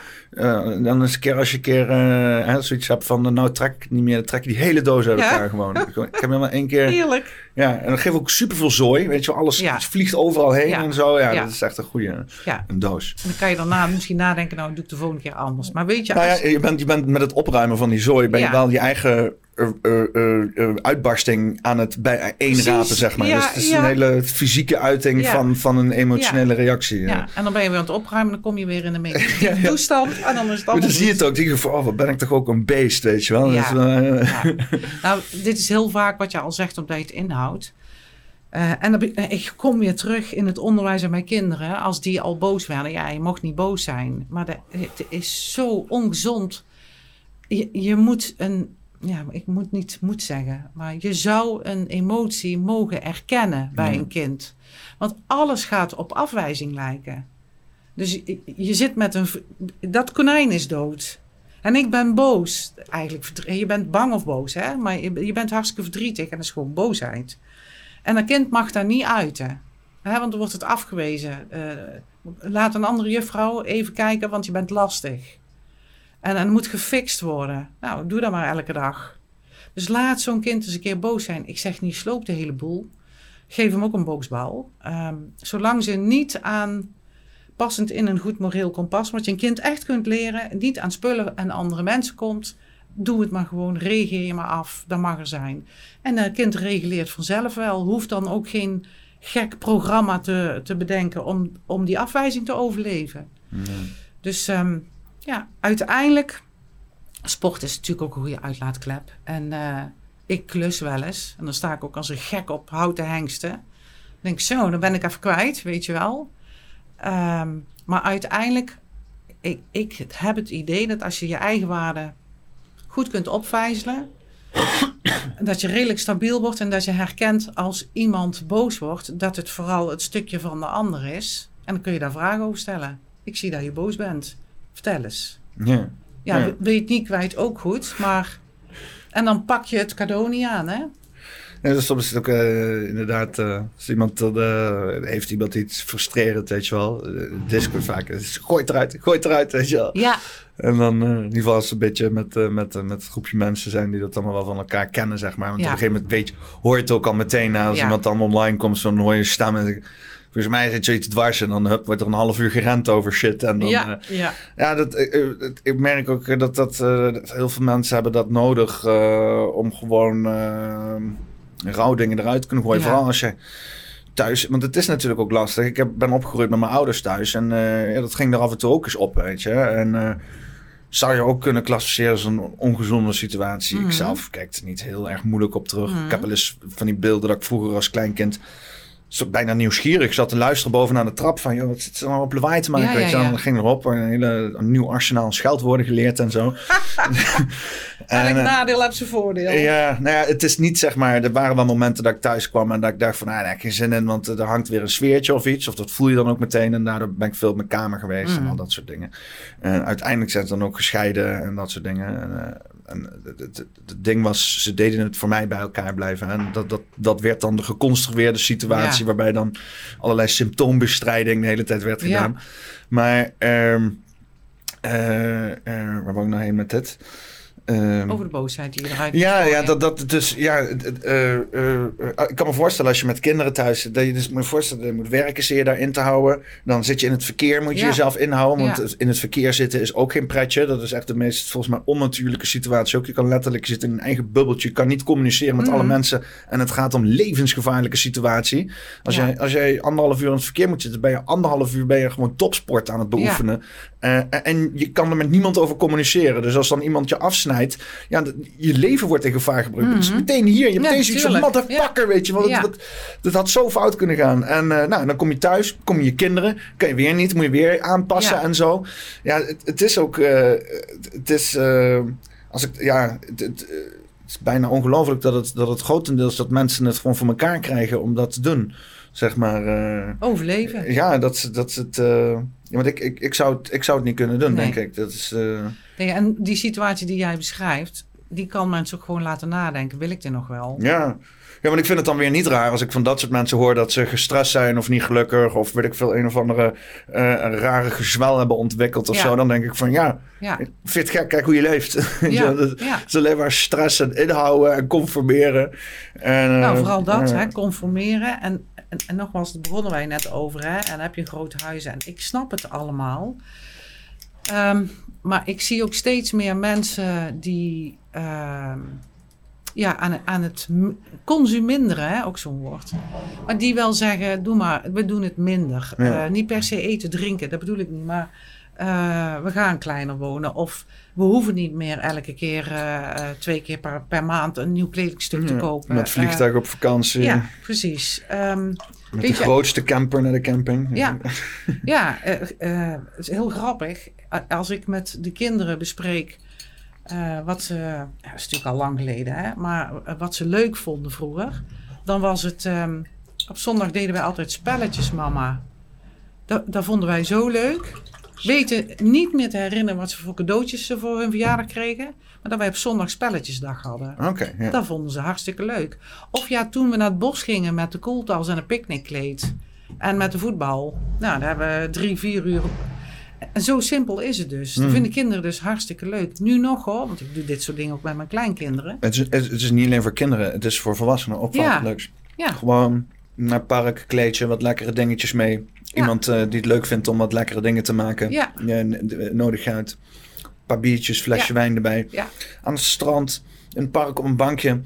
Ja. Uh, ik heb, als ik terugdenk aan een pretpark of zo, of een of ander vakantiehuisje en zo. enige wat ik waar ik dan zie is al die straat waar je tegenaan loopt. Ja, ja.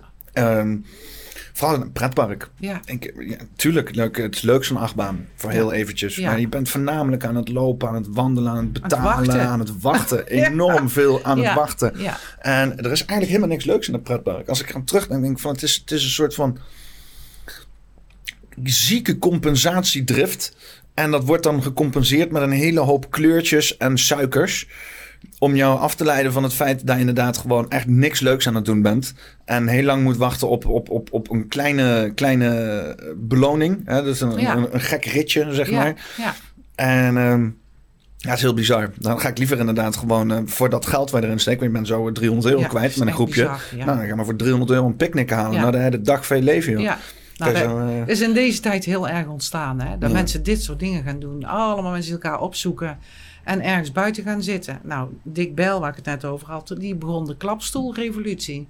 Ga met je klapstoel maar buiten op straat zitten, omdat alle uh, terrassen toch gesloten oh, waren. Ja, ja, gesloten, dan mochten dan de ongevaccineerde mensen niet komen.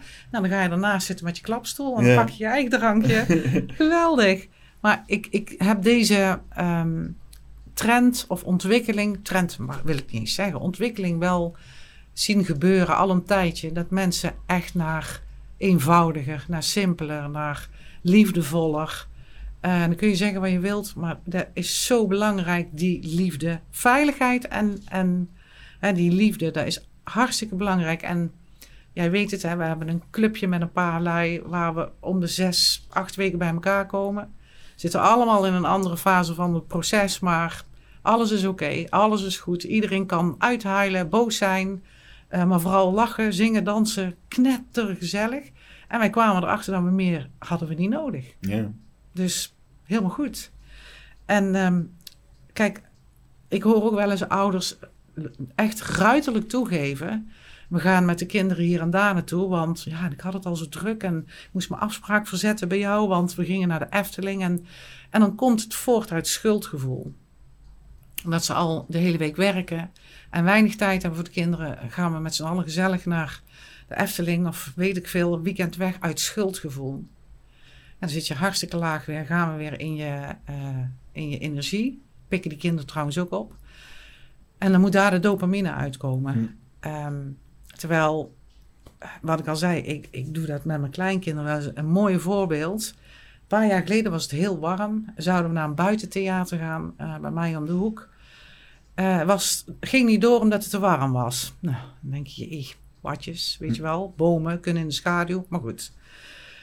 Dus ik ben met naar huis gegaan, maar ik had wat drinken bij me en een zakje chips. En uh, ik zou een ijsje trakteren, maar die had ik ook in de vriezer.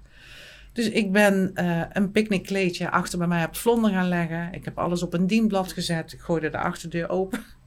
En dan zaten mijn kleinkinderen, die waren toen denk ik vijf en zes of zes en zeven. Er zit een jaar tussen. Dus ik kwam aan en ik stelde me voor en ik zei een andere naam. Hallo, wie bent u? Die kinderen zaten weer aan te kijken. Maar die vielen meteen in hun rol. En die, die gingen een heel levensverhaal over zichzelf vertellen. Prachtig. Uh, wat doet u, meneer? zei ik tegen mijn kleinzoon. Hij was autoverkoper. En dan weet je meteen was een kind van hout. Die vertellen zoveel over zichzelf. Dus, dus ook als je boos wordt, vertel je ook heel veel over jezelf. Of als je zegt, ik vind die jurk niet mooi. Mag jij vinden, maar dan vertel je iets over jezelf. En uh, mijn uh, kleinzoon uh, was niet getrouwd. Hij had wel een vriendin. Had nog geen kinderen. Moest hij nog over nadenken. en mijn kleindochter was vijf. En die zei, ja, ik ben getrouwd, ik heb vier kinderen. Ik zeg, zo. En ik zeg, wat doet u voor werk? Ik studeer. Oh.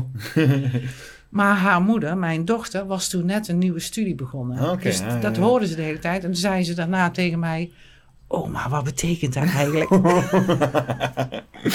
ja. Oh, heerlijk. En twee jaar later of zo in de zomer... Oh, maar doen wij nog een keer hetzelfde van toen?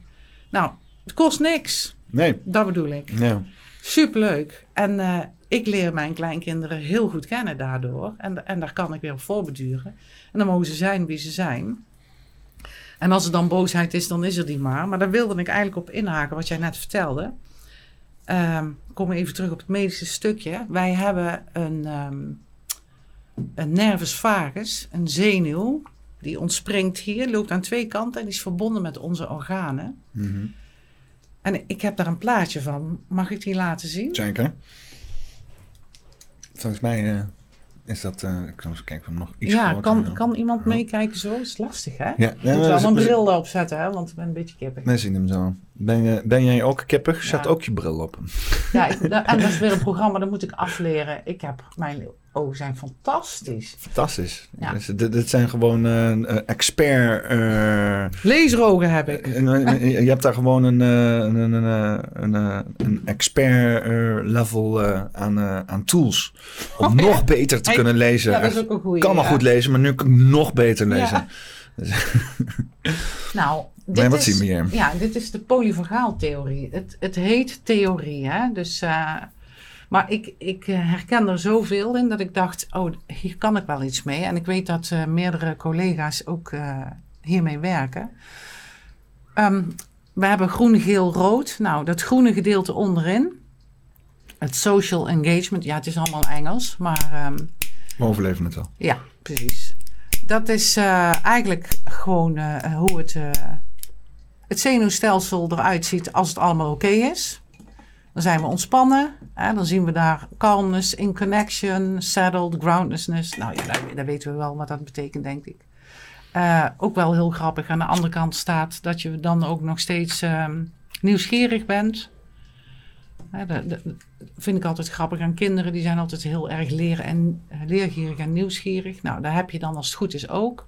Ben je geïnteresseerd in dingen? Heb je compassie? Nou, noem maar op. Nou, dan gebeurt er iets, wat ik net al vertelde. Er zit niet in ons ladekastje. Dan gaat voor de veiligheid gaat ons uh, sympathische... Ze volgen die lijn hier, zeg maar. Ja, hè? precies. Dus je hebt hier, je hebt hier even voor de luisteraars drie uh, vlakken. Groen, oranje en rood. En een lijn die beweegt daar van links naar rechts doorheen. Van links naar rechts, een, inderdaad. Een dan ga je omhoog. Ja, dan ga je in de fight and flight. Nou, dan zie je het, hè. Dan word je boos en uh, dat kan nog wel uh, heel erg boos worden. Rage, hè, wat jij net al zei. Uh, maar, ziedend. Ja, ziedend. en ook natuurlijk zorgen. En dat hoort meer bij de angst. Hè, dus meer de, de nog adrenaline kant. Um, en dan staat daar helemaal rechtsboven. Sorry, ik ben altijd rechts en links is lastig. En daar komt last van, ja. 50-50 kans is dat, hè? Dus, uh... Nou, weet je wat, wat ze me ooit verteld hebben? Uh, dat is helemaal geen uh, afwijking. Dan heb je linker en rechter hersenhelft bijna evenredig in gebruik. Ja, maar gewoon goed in balans. Precies. Nice. Ik vind ja. het een hele fijne. Ja, goed hè? Nou, ik word altijd uitgelachen als ik niet weet wat nee, rechts maar nou weet je is. Ja, nu weet ik Mag het. Je zeg, ik ben meer in balans dan jij. Linksbovenin, I can. Kijk, als je in die stress, uh, je sympathische zenuwstelsel gaat dan werken, uh, dan zit je nog, ik kan, hè, ik kan vluchten, ik kan vechten, ik kan, het, uh, ik kan mezelf nog redden. En dan, Als dat helemaal niet lekker loopt, dan kom je daarboven in het rode stukje. Dan gaat gek genoeg je parasympathische zenuwstelsel ehm, gaat actief worden. Dan zien we helemaal rechts bovenin staan bij, de, bij de lettertjes, hè, bij de tekst die daar staat, parasympathisch uh, zenuwstelsel. En die zorgt dat je bevriest, dat je een shutdown krijgt. En ons parasympathisch zenuwstelsel is eigenlijk voor rest and digest. Dus voor de ontspanning en voor uh, het verteren van voeding. Uh, en ons, onze nervus vagus, die aan beide zijden vanuit het brein naar onze organen en de rest van ons lichaam intern lopen, die uh, krijgt dus een bepaalde prikkel. En dat is een beetje de verklaring waarom als jij in de stress schiet, dat jouw lijf daar ook last van heeft. Mm, als jouw vluchten en vechten niet lukt en je komt niet uit de situatie, dus je kan het dus niet, dan kom je in het rode stukje, I can't. En dan krijg je die shutdown. En, en dan moeten jouw organen het maar zien te redden. En dan krijg je last van je buik of van je rug of whatever. Mm. Een hele belangrijke daarvoor is dat uh, mensen zeggen altijd, als ik in de stress schiet, dan, uh, dan kan ik niet meer, e ja inderdaad, dan kan ik niet meer eten. Uh, en dan, ik moet dan soms overgeven of plas in mijn broek. Ja, dat is juist de oplossing. Want het kan allemaal niet verteerd worden, dus het moet eruit. Want daar heeft jouw lijf helemaal geen energie voor. Die moet die stresshormonen aanmaken, die moet die spieren bevoor, bevoorraden. En jij moet als de wielen weer gaan weg kunnen of jezelf redden. Um, maar bij die. Uh, uh, op het moment dat jij dus in het rode stukje blijft zitten, nou, komt nou gaat die bult naar een piek. En die gaat daarna rechts naar de deactivatie. En het verraderlijke is dat als je uh, eenmaal in die shutdown zit, krijg je van heel veel dingen last. Ook emoties zoals schuld en uh, schaamte.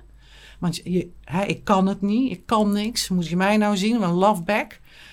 Um, dan zak je misschien wel naar beneden als het allemaal een beetje minder wordt. Maar dan kom je dus weer in je stressreactie. Hmm. Kijk maar naar de pijl. Dan kom je weer in het gele stukje. Ja. En dan worden mensen alsnog boos en bang. En dan denken ze dat ze fout bezig zijn. Dan schieten ze weer terug omhoog.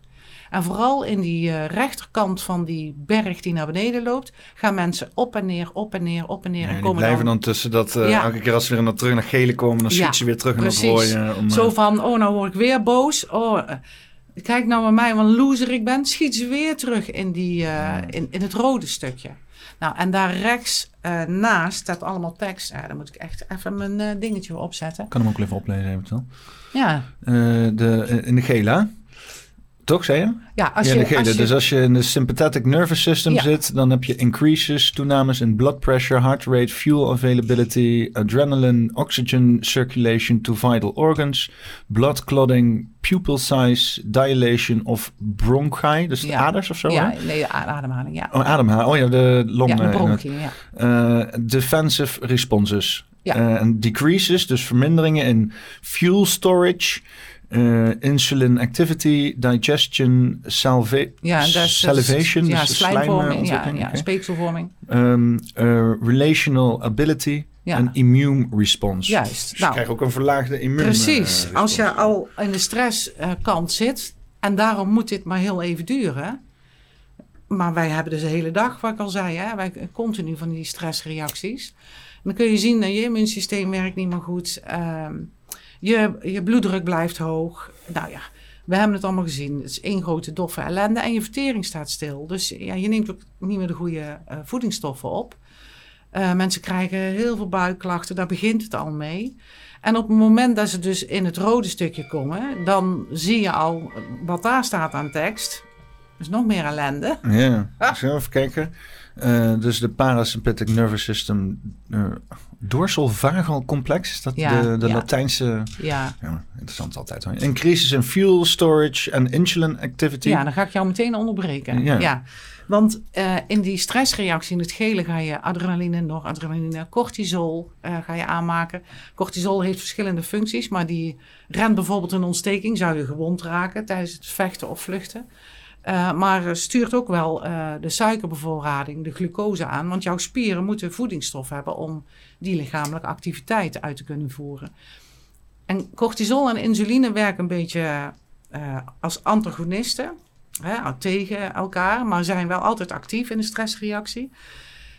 En wat er nou gebeurt als je doorschiet naar, ehm, naar die collapse, naar, die, naar dat bevriezen, uh, dan wordt die insulineactiviteit uh, steeds verhoogd. En uiteindelijk uh, is die suiker, die glucosebevoorrading, heeft elke keer als dat in het bloed zit, hè, bloedsuiker is hoog, die insuline nodig om dat in de cel te krijgen als brandstof. Er wordt zo vaak geactiveerd dat jouw cellen op een gegeven moment ongevoelig worden. Hmm. En wat, het dan, wat er dan gebeurt is als de insuline niet meer in de cel komt, want het gaat heel grappig. Insuline klopt op de deur van de cel, dan doet de portier het deurtje open.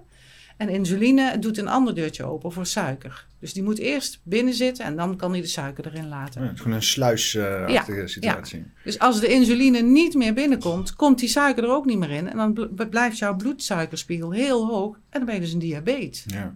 Dus kun je nagaan dat je van stress die, doorschiet zelfs naar bevriezen, uh, in de schuld uh, zitten, in schaamtegevoel, ik ben een loser, dus in je programma verstrikt raken, dan kun je dus diabetes van worden. Nee, gewoon diabetes door, uh, door alleen maar hoe je je voelt. Dus zelf gewoon diabetes toegedacht, ja. bij wijze van spreken. Ja. nou, niet eens toebedacht, maar dan is het wel een chemisch verhaal. maar dan kun je ook weer omturnen, maar dan kom daar dan uit. En hoe kom je nou uit die die parasympathische fase waar je bevriest, dan zou je eigenlijk moeten zorgen dat die zenuw aan beide kanten versterkt wordt. Dat die niet zo snel overprikkeld raakt. Uh, en dat doe je door uh, hele zachte beweging, bijvoorbeeld Tai Chi. Uh, Feldenkrais met een F. Kun je, internet staat er vol mee, YouTube. Hm. Kun je terugvinden. dansen. nou, dat maakt niet uit. Zingen en dansen trouwens, allebei nog wel. Um, Samen zingen zou ook uh, ja, wonderbaarlijk moeten werken. Precies, en zo, hè? Ja, ja, dat klopt. Uh, en dan um, gaat je ademhaling veranderen als je zingt. Gebruik je je middenrif weer anders. Zorg dat je ademhaling weer lekker rustiger wordt. Dus vervolgens een ademhalingsoefening helpt ook.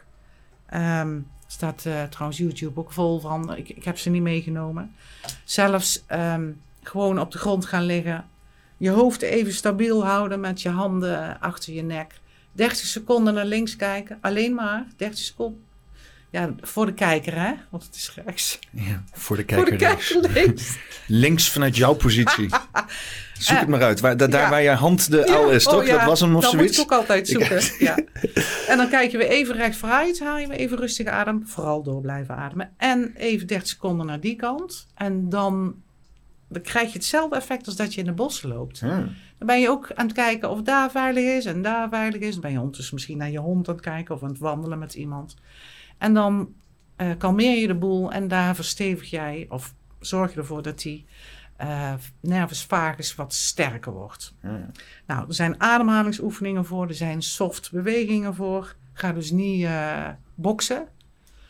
En zeker als je veel stress hebt en je hebt al vaak de vechtmodus, als je dan gaat boksen, ga je nog meer stress aanmaken? Ja, dan, dan laat je je lichaam zien dat je steeds in gevaar bent. Ah. En steeds moet vechten. Ja, ja, ja. Um, nou ja, mindfulness is natuurlijk een goede, maar daar kom je echt in het begin, tenminste, kom je zomaar niet aan. Als je helemaal uh, bovenin het rode vakje zit, waarbij je ook nog eens phone staat daar, hè, in blauwe lettertjes.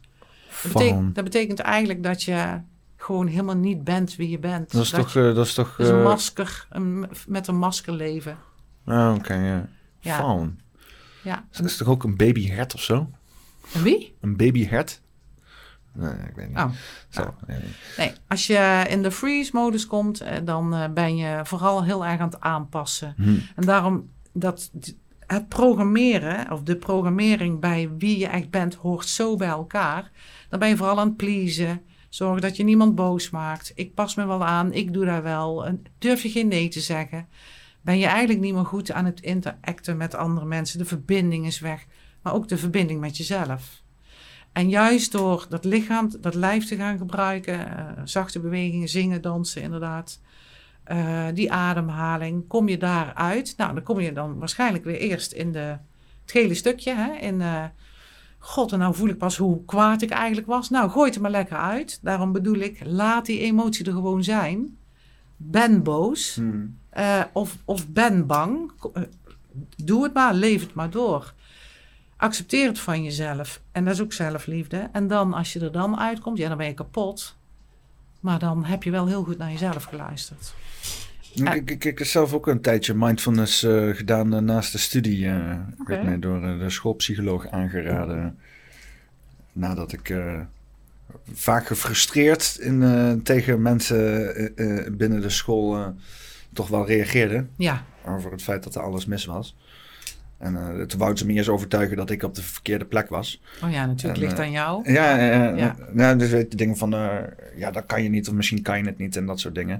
Moet ik heel eerlijk zeggen, ik heb wel een vrij automatische respons. Dat op het moment dat je mij vertelt dat ik niet iets kan, dan ga ik maar dat ga juist, juist doen. doen ja. juist, dus op zich werkt het wel positief bij mij. Maar um, ik kon het wel, alleen het systeem werkte gewoon niet zo. Nee. Hè? Dus uh, als je dingen anders wil, of, of eerder of later, of uh, uh, met een kanttekening, want het zijn allemaal casussen die hypothetisch gebeuren. Mhm. Dus ja, als je dan iets, iets echts wil, of, of iets, iets daadwerkelijk wil bijdragen, ja, dat is allemaal moeilijk en lastig. En dus, zo doen we dingen niet hier en bla bla bla. Dus ik liep constant tegen dingen aan. En uh, dus, uh, die psycholoog zei ook van ja, het ligt niet aan jou. Dus het klinkt allemaal heel frustrerend waar je doorgaat. Dus dan gaan we mindfulness doen. Dus ik mindfulness doen. En uh, dat was wel in het begin heel erg ja, heel therapeutisch. Ik haat dat met z'n allen in een kringetje. Ja. Zo'n klinische Ja. therapeutjes met twee van die mensen die dan helemaal, helemaal heelzaam zijn en zo. Uh, ben ik al snel ik al zoiets van ik moet hier weg. Maar ik, ik heb er maar gewoon uh, doorgegaan. En het was, uh, het was, het was heel. Um, ja, echt. echt dat, was, dat, dat was wel echt een punt waarop ik echt heel erg bewust werd van. Uh, hoe, hoeveel controle je eigenlijk over je brein kan hebben. Ja. Zeg maar. Ik Ja. had het toen nog lang niet. Maar. Uh, want we gingen. En het was gewoon een, een paar meditatieoefeningen. Um, uh, Eén was luistermeditatie. Daar ben Oh, ik heel ja. van, van onder de indruk geweest. Dus iedereen heel stil, iedereen luisteren. Uh, we zaten bovenop de campus in een oud gebouw en zo. En ik kan het nu, die, eh, ik, ik, ik, de zon is een herinnering, een hele sterke herinnering geworden. Want ik kan nu terug naar dat moment en ik weet precies nog wat, wat ik Ja. hoorde, hoe dat voelde. Uh, dat je helemaal verderop op de pleinen mensen hoorde. En de trein die, die 500 meter verderop lag. Uh, Ja. en, uh, en dat gebouw en dat mensen er doorheen liepen en zo. En dat ik echt dacht van, wow, wij filteren een hoop weg als je Ja. de hele tijd in je hoofd zit te malen van, oh, wat denk ik allemaal Ja. Al die zintuigen, waar, waar wat geweldig is, wat Ja. heel rustgevend is eigenlijk, om echt je zintuigen te, te observeren en wat, wat, wat gebeurt er nou? Ja, vooral Dat- het dat je daar- ja. Ja, ja. maar daar, daar, Ja. daar ben je helemaal niet mee bezig. Als je daar helemaal niet mee bezig bent, dan komt er allemaal dingen binnen. En, en dan zit je daar de hele tijd druk over te maken. Ja, dat was wel echt een punt eh, van openbaring. En ik weet ook dat ik dit, ik kan het duizend keer vertellen aan mensen, maar mensen moeten dat zelf een keer mee hebben gemaakt om, om dat goed te kunnen internaliseren. Dus dat is ook wel. eh, ja. en sindsdien ook, als ik van die kringen zie waar mensen samen gaan aanmalen en dat soort dingen, ga ik er een stuk makkelijker tussen zitten. Ja. Want in het begin was ik echt allergisch daarvoor. ja.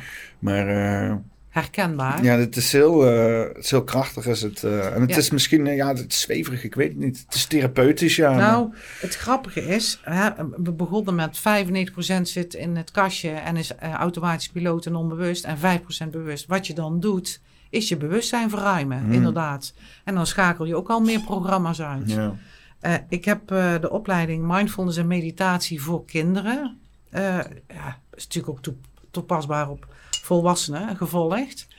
En ik herken wel wat jij zegt, want wij moesten dus de hele dag op een matje zitten. Toen dacht ik, hé, alsjeblieft. En alleen maar oefeningen en oefeningen. En, en wat voel je en wat hoor je. En ja, nou, ik kwam dus ook een eigen programma tegen, want daar was, ja, dat vond ik echt, echt wel een beetje. pff. Maar ik moet heel eerlijk bekennen dat ehm, de eerste keer, de eerste dag, eh, zes uur op een matje liggen met een pauze ertussen. Ik voelde me heel relaxed. En aan het einde van die opleiding dacht ik, Jezus, maar werkt dit fantastisch. Want ehm, als je alles mindful doet, ja, dat is een beetje lastig. Maar zoveel mogelijk, op het moment al dat jij een kop koffie voor jezelf zegt, zet, eh, kan je al afvragen, heb ik er eigenlijk wel zin in? Want het is een routine. S morgens een van de eerste dingen die ik doe is koffie zetten. Ik, ik maak mijn kop koffie zo moeilijk mogelijk voor me. Oh ja? Met, met mijn mok kapot. En, Oh ja, eh, ja. ja, ja. En dat is, eh, Ja. soms, soms lukt het ook niet. En dan, dan- dat, dat, is, dat zijn een van de grootste testen voor mij Ja. hedendaags. Is als mijn koffie 's ochtends niet lukt. Ja, En ik wil heel graag koffie. Dat is, daar ben ik mee bezig om aan te werken. Ja, en dan als je, als je dit nou een beetje legt op het verhaal waar we het nou over hebben, dan is dat jouw programma. Dat doe jij s ochtends. En nou gaat je mok kapot. Dat zat niet in het, in het ladenkastje. Dat zat niet in het laadje. Dus dan gaat je stresssysteem even aan. Wat, wat de, nou... Nou, dan word je boos of bang. nou ja, denk boos. Gisteren, gisteren of zo. Nou ja, eh, gisteren had ik dan inderdaad. Ik word steeds minder boos. Hoe vaak ik dat neem, hoe minder boos ik erover word. Dus, dus dan gisteren, ik baal er wel van gisteren. Dan, laatste kop koffie, laatste beetje koffie die oh je doet. Oh en dan wat je moet doen bij je mok kapot is niet helemaal uit laten lopen. Want dan, heb je, dan wordt hij bitter en zuurig, zeg maar. Je moet hem voordat hij gaat lopen sputteren, moet je hem van het vuur afhalen. En dan heb je de lekkerste bak koffie. en stomme is, vroeger dronk ik hem altijd zo dat ik hem helemaal liet uitpruttelen. En dat vond ik dan veel lekkerder gewone koffie. Maar dat is ook weer van die stomme dingen. Ik, sinds ik dat weet, kan ik dus niet meer die koffie drinken die overgeprutteld is. Want ik proef het. En, dan, ja, ja. en dus, dus nu moet ik heel veel aandacht die koffie gaan zetten. En uh, ja, als ik dus die aandacht in de ochtend niet heb, dan krijg ik gewoon mijn koffie niet. Dat is, dat is nu zeg maar de, de uitdaging die ik voor mezelf heb gezet. Uh, maar ik, ik weiger Senseo te drinken. Ik heb het gisteren wel dan wel gedaan omdat ik ook bezoek had. Dus ik wil niet mijn, uh, mijn, mijn fucking uh, principes anderen lastig vallen, zeg maar. Maar uh, ja, ja, ja. Gewoon, maar het is dan wel van die dagen dat het dan wel lukt. Dat geniet ik ook echt van. Ik weer net ook een kapje koffie, dus ik weer lekker denk oh mooi, weer een ja, mooi. Precies. Dat is, uh, maar dan ben je wel bewust net, ja, ja, net iets beter dan dat knopje indrukken en gewoon dat ding zitten weg te slurpen zonder erover na te denken. Precies. Net dat extra genieten en uh, weer beseffen van oh, koffie ruikt de koffie, je bent er oh, echt lekker, mee bezig en zo. En hij heeft dan meteen uh, een, een, uh, ergens een herinnering, die koffielucht, waarschijnlijk. Ik moet altijd denken aan mijn tante Lies, mijn peetante. Mm. Ik wilde vroeger altijd koffie en dat mocht niet, want dat was slecht voor kinderen. Daar werd je lelijk van. En uh, ik heb zoveel koffie op. Maar goed. en tante Lies was mijn peetante en die had op een bepaald moment, ik was vijf of zes, zoiets van... En nou is mijn peetkind, mag zij koffie? Nou, ik zie mijn moeder nog helemaal zo staan ik voel me de koning te rijk. Hm. En ik kreeg een eigen kopje. Ja, ze gooiden er dan toen de tijd nog suiker in. Een koekje erbij, dan mocht ik soppen. Ken je dat? Dat je een koekje erin en dan wordt er zacht. Ik, fantastisch. Dus heel vaak als ik koffie ruik, zit ik in die film. Ja, ja, ja. En gelukkig heb ik daar een goede herinnering aan. Maar dat is een mooie bruggetje naar wat ik verder nog wil zeggen. Sommige mensen ruiken iets of proeven iets. En die komen in een nare herinnering. En die komen in een nare film. En wat ze toen deden was een stressreactie krijgen. En die krijgen ze dus dan op dat moment ook. Terwijl ze gewoon hier zo zitten. En dat is een hele goeie. Dat als je je beseft. Dat als je een herinnering hebt. Een, een soort spoor naar, naar uh, iets wat helemaal niet prettig was. Waar je stressreactie op kreeg. Als je het maar met iemand over hebt of je denkt er maar aan, gaat jouw hele lijf in die stressreactie zitten. Je begint te zweten, je pupillen worden groter. Je krijgt al een houding van ik moet vechten of vluchten. Uh, je spant je spieren aan en mensen krijgen door allerlei opmerkingen van anderen, door een tv-beeld, door een wasmiddel, de hele dag door dit soort beelden, onbewust. Ze kunnen het wel zien, maar ze hebben het niet door dat het afspeelt in het hoofd of zich afspeelt in het hoofd, kunnen dus daardoor ook de hele dag aanstaan. Mm. Dus jij krijgt niet alleen van buitenaf een stressreactie op iemand of iets, maar ook vanuit je eigen gedachten. En uh, de truc is om die film dan te herschrijven. Uh, dat doe ik bijvoorbeeld met cliënten bij mij. Uh, die zitten dan in een stoel en dan zeg ik vertel eens. Nou, dan zie ik al aan heel de lichaamshouding dat het al begint te verkrampen. En dan vraag je waar zit het? Oh ja, hier. Of, of in mijn buik. Of mensen die tot aan huilens toe, toe dan hun verhaal vertellen. Dus ik ben erachter gekomen dat ik geen voorstander ben. Er zijn er misschien genoeg die er wel iets aan hebben. Om naar een psycholoog te gaan en jouw verhaal steeds te vertellen. Want je komt steeds in die stresssituatie als je het vertelt. Eh, de eerste keer dat je iets meemaakt, moet je het meteen kwijt. Anders gaat het in je lichaam zitten via uh, die nervus vagus komt het in je systeem en krijg je klachten. Maar een trauma is bijvoorbeeld niks anders dan uh, een emotie over een gebeurtenis die niet verwerkt is. Dus als je dat meteen doet, dus heb je boosheid, gooi het eruit. Uh, moet je huilen, ga huilen. wil je erover praten, praat erover. En ben je het dan kwijt, dan hoeft het geen trauma te worden. Mm. Dus op het moment dat wij trauma's hebben, krijgen wij flitsen, herinneringen. Ik dan een leuke van Tante Lies met de koffie. Maar er zijn er ook genoeg die door een geluidje, een geurtje of wat dan ook in een nare film terechtkomen. En dus bij iemand waar ze erover gaan praten, dat maar steeds herbeleven. Ja. Nou, zit jij bij mij in de stoel en ik zeg: ga die herinnering er eens, stop die maar hier, waar jij pijn voelt of benauwdheid. Gum hem maar uit of uh, knip hem er maar uit of gooi het maar in de prullenbak. Dat heet de matrix-methode. Ik loop er heel snel doorheen. Uiteindelijk ga je dan vervangen, als dat leeg is, dat plekje, met een hele fijne herinnering die je hebt. Dan probeer je alles bij te halen wat je ruikt, wat je, wat je ziet, wat je voelt, wat je, wat je hoort. En het blije gevoel erbij. Mhm. de happy feeling. Stop daar, daar maar op die plek. En dat kun je ook doen met mensen die bijvoorbeeld een allergie hebben. Kom je erachter waar die vandaan komt, misschien op het fysiek stukje. Ik heb laatst nog iemand gehad, die had een allergie en, en uh, kreeg het benauwd. Ik zei, vertel je wie is je vader, wie is je moeder, vertel je levensverhaal. En in één keer zei hij, ik denk dat ik het weet. Ik had een navelstreng om mijn uh, nek toen ik geboren was. Hmm. Nou, dat plaatje heb ik erbij gehaald bij hem. En uh, dat heeft hij vervangen door iets heel leuks. Ik kreeg twee weken later een berichtje van hem via de WhatsApp. Hij zei, wonder boven wonder. Hij had altijd last als het gras gemaaid werd. Nou, er was gemaaid en nergens last van. Hmm. Zo bizar gaat het dus. Wat je allemaal opslaat, wat je daar aan emotie aan vasthangt of de angst, zelfs onbewust als baby, hè, bijna gestikt. Ouders in paniek. De overtuiging van de ouders worden op het kind geprojecteerd. Oh, mijn kind was bijna dood, we moeten er voorzichtig mee doen. Nou, dat gaat een eigen leven leiden. Dat zit in je laadje en dan kan er dus zo uit. Het klinkt allemaal heel simpel. Als jij echt zegt van, ik wil er vanaf, ik kan er vanaf. En nu, nou, dan kun je hele mooie dingen doen.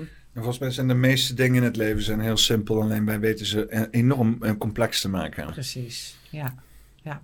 Dus, eh, ik zat laatst iets uh, te kijken, dat ging ook over de complexiteit van onze maatschappij. Was het nou een gesprek die ik vorige week heb gehad, volgens mij? Ik weet niet meer of een podcast, maakt niet uit. Het, de notie was dus dat wij dus allemaal dingen oneindig veel complex aan het maken zijn. Om uh, zeg maar die bevestiging te hebben dat wat we aan het doen zijn het ook waard is. Omdat het complex is. Ja, het is complex, daarom is het, daarom werkt het zeg maar. Kijk, zou er allemaal voor gedaan hebben. Ja, en, en, en, om maar niet zeg maar te hoeven... Uh, ja, reflecteren op het feit dat alles gewoon heel simpel kan zijn als jij dat wil. Ja. Grappig is dat, hè? Ja.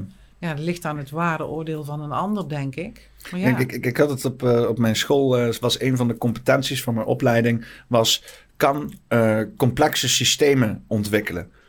En ik zat er te kijken, ik denk, waarom zou je dat willen? waarom is dat een kunst? De complexie, Als iets complex is, dan is dat toch een falen of niet dan? Maar ja, dat, is, ja, dat wordt dan als hoogwaardig gezien, omdat het, de, de systemen complex zijn. Dus dan zal er wel veel over nagedacht zijn. en, en, en dan is het blijkbaar, hangt er een hele grote waarde aan volgens een ander. Ja. Maar ik ben het er helemaal mee eens, hou het lekker simpel. Uh, je kan je ook verschuilen achter complexiteit. Hè? Net zoals banken doen en zo. En uh, overheid ook. Met allerlei uh, vakjargon en rare systemen. En, en, en, en rare hiërarchische paadjes. Met, met, met buitenstaande instituten die dan zogenaamd controleren. Vanuit mensen die dan wel gewoon daar zijn neergezet. Door de mensen die zogenaamd gecontroleerd moeten worden. Allemaal om inderdaad het systeem heel complex te maken. En te laten zien. Kijk, we hebben overal over nagedacht. Maar dat betekent, betekent niet dat het werkt. Nee, want als je dan als klant van een bank iets geregeld wil hebben, dan waarvan oerwoud je doorheen moet. En dan haken mensen meestal af. Ja, en dat is dan ook by design natuurlijk. Precies, ja. ja. Nee, ik ben het er helemaal mee eens. Hou het simpel. Maar de, ja, weet je, dit wordt nergens geleerd. Uh, je kunt wel op YouTube dingen vinden. Uh, je moet natuurlijk ook chocola van kunnen maken. Ik bedoel, uh, dingen aan elkaar kunnen knopen. En um, ik denk dat als wij kinderen vooral dit soort dingen leren, uh, al heel jong, het liefst op school, maar goed, uh, dat we een hele andere wereld krijgen. En, en het mooie van nu vind ik dat mensen echt wel bewuster naar uh, ook de buitenwereld, maar ook naar zichzelf aan het kijken zijn, waar jij al met die mindfulness bijvoorbeeld doet. Um, ja, en ik, ik zie het eigenlijk heel positief in voor de toekomst. Ja, op, eh, op, een of andere manier uh, moeten de, de, de zij die die systemen in stand houden ook inzien op een gegeven moment dat dat, dat, dat, het, dat het alternatief gewoon veel beter is voor iedereen. Hè? Als, je, als je gewoon gelukkige, gezonde burgers hebt. Uh, uh, ja, dan kunnen ze misschien wat minder makkelijk uitgevoerd worden door corporaties. Waarbij sommige personen misschien geld verliezen. Mag je dan over nadenken of die mensen dat geld dan ook verdienen. Mm -hmm. Maar uh, als samenleving kom je er veel sterker uit. Plus, er kan nog steeds genoeg welvaart gemaakt worden. Ja. Alleen dan, ja, waarschijnlijk voor iedereen, zeg maar. Ja. Dus ja, dat, dat, dat, ja, een paar mensen die gaan dan misschien aan het kortste eind trekken. Maar het zijn als het goed is maar heel weinig. Er zijn maar heel weinig mensen die hier aan profiteren volgens ja, mij. Ja. En dan vraag ik me zelfs ook nog af of ze echt profiteren. Ik zit wel eens na te denken over al die mensen die het systeem zitten leeg te zuigen. En denk van, is dat nou zo'n prettige plek? Is, is dat nou, want volgens mij ben je dan ook jezelf de hele tijd aan het ontsnappen van de realiteit. Dat jij ja. een of andere parasiet bent op de samenleving. En alleen maar kunstmatig de hele tijd naar bevestiging aan het zoeken bent. Dat, dat, dat, dat jij ook daadwerkelijk waarde bijdraagt. Denk ja. ik aan zo'n Bill Gates. Hè, die, die, die moet de hele tijd weten dat hij de wereld aan het redden is. Mm -hmm. Want uh, volgens mij, als hij daar niet elke seconde van de dag mee bezig is, dan zinkt bij hem in dat hij precies het probleem is waar onze maatschappij ja. op vastloopt. Ja, hij vond het al gek dat mensen boos waren, want hij wilde bomen gaan kappen. Ja, en die aan ingraven tegen het CO2-probleem. En dan denk ik, pardon? Ja. Ja. ja. de lucht vervuilen om een klimaatverandering te ja. stoppen en zo. Met uh, zilverdioxide en dat soort dingen. Oh, ja. ja, precies. Ja. Nee, weet je, um, ik heb. Uh, God, wie was het nou? Een psycholoog of een psychiater? Oh, ik, sorry meneer. Hm. Maar die was bij. De, de, de, uh, de, de ater is degene met de meeste diploma's, toch? En ja, de die mag medicijnen die, voorschrijven. Oh, dat is ja, het. nee, die was in het, in het gemeentehuis bij Pil en Maas. Of hoe was het? Heb je, heb je er iets van gezien? Dat. Er was een huisarts die daar voor de gemeenteraad sprak en ook een, een psycholoog of psychiater. En die had het over psychopaten. Mm. En die had daar een prachtig verhaal over om uit te leggen dat mensen die ja, nu zeg maar aan de touwtjes trekken, die vallen wel in die categorie. Ja. Uh, en ik denk, uh, en ik weet het natuurlijk niet zeker, daarom zeg ik, ik denk dat heel veel mensen al heel jong ook beschadigd kunnen zijn, zwaar trauma kunnen hebben. Uh, en dat van generatie op generatie doorgeven. Nou ja, en die komen in een. Um, zo compleet los van zichzelf te staan, totaal niet in verbinding, weten helemaal niet wie ze zijn en moeten dan, dan uh, hun waarde halen van de buitenwereld en van macht en van geld en status. En ik denk dat die categorie hierin terechtkomt. Ja. Maar dan heb je totaal geen moreel kompas, geen verbinding met jezelf. Uh, ja, denk ik, ben je er blij mee? Natuurlijk zijn er een hoop mensen ook nog chantabel. Daar zit ook nog, uh, hè, in die hoek zitten we dan ook nog. Het is ook een kut leven als je ja. elk moment gechanteerd kan ja, worden de hele tijd. Precies. Nou, geloof maar dat die altijd uh, in het gele en het rode vakje zitten. Ja. Die worden daar echt niet blij van. Totdat ze daar misschien gewoon helemaal murf of ongevoelig voor zijn. En maar dan ben je meestal echt wel een psychopaat. En um, ja, moet ik hem er iets van aantrekken? Nou, nee. Nee, ja, vooral er boos over worden. Hè? Dat we inderdaad... Uh, ja, dat snap ik wel. Ik, ik in aanvang. ben er ook boos om geworden, Ja, maar ja. gaat- het leidt je nergens tot... eh, Nee. Nee, Uiteindelijk ben je alleen maar boos op jezelf. eh. ja, het is eh, dat iemand anders jou je rechten afneemt of jou je vrijheid afneemt. Maar dan kom je uiteindelijk tot het besef. En dat is wat ik al zei, als je een relatie hebt en eh, hij is de klootzak, asshole. eh, ja, je laat wel zelf dingen toe. Je geeft wel toestemming. Dus op het moment dat iemand mijn vrijheid afpakt of mijn eh, rechten afpakt, ja, ik geef daar geen toestemming voor. En ik ken mijn eigen vrijheid en die zit zelfs in mijn hoofd. Ja, het is ook maar net hoe je je vrijheid definieert. Precies. En eh, dat is ook wel... eh daar kregen we ook geen les in. Nee, En, eh want vrijheid is volgens mij ook een state of mind. Je hebt Ja. zo'n boek van zo'n vrouw die heeft in een... een eh, eh, Joodse vrouw in een eh, eh, concentratiekamp Ja, gezeten. ja. En die heeft inderdaad daar haar vrijheid gevonden. Haar gevoel Ja, van vrijheid. precies. Die, waar, waarbij ze, toen ze daar vrij kwam, ook nog meer, nog steeds ja, ge- gebruik van kon maken. En het feit dat ze dus inderdaad een beseffing had van... je kan, je, je kan vastgebonden vast ge, zitten. Je kan elke dag geslagen worden. Je kan uh, de toegang geweigerd worden tot levensmiddelen. Maar uh, in je hoofd uh, kan je zijn wie je bent. Ja. En als je je daar niet laat pakken, dan ben je uiteindelijk vrij. Ja. En nou ja, natuurlijk wil je niet in een concentratiekamp nee, zitten. Dus hè, laten, we, laten we dat voorop stellen. Maar die state of mind bereiken, dat je dat zelfs in een concentratiekamp kan. Dan kan je dat helemaal in een samenleving waarbij je gewoon een, een koelkast gevuld kan hebben. Ja, uh, vrienden die je kan berichten. En gewoon, ja, hè, ook al wordt het je niet gegund, altijd de tijd kan nemen om gewoon lekker op bed te gaan liggen. ja. Ik slapen, stek er maar in. Je kunt die vrijheid wel nemen, maar dat heeft consequenties. En ja, maar Dat, dat is het. Maar vrijheid heeft ook consequenties. Dat is het hele idee. En dat is ook wel, want ik, ik, ja, dat is altijd zo. Als ik zeg maar alles alles strip wat nu eisen aan mij stelt. Hè? Dus uh, familie, vrienden, overheid, uh, de maatschappij. Um, nou, dan ga ik dus dan zeg maar in een soort van bos wonen of zo. Waar niemand mij kan vinden. Mm. Um, dan heb ik nog steeds verantwoordelijkheid. Ja. Dan kijk, of in ieder geval, ja. ik kan daar gaan gewoon zitten en één worden met het bos, totdat ik een soort van hoopje mos word of zo. Dat, is, dat, dat kan, dat, die vrijheid heb je. Maar als je gewoon nog graag uh, wat leuke jaartjes wil hebben en iets wil uh, doen, ja, dan moet je toch iets gaan doen. Dan moet je toch een hut gaan bouwen en je eigen eten gaan uh, fixen en allerlei, allerlei dingen gaan doen.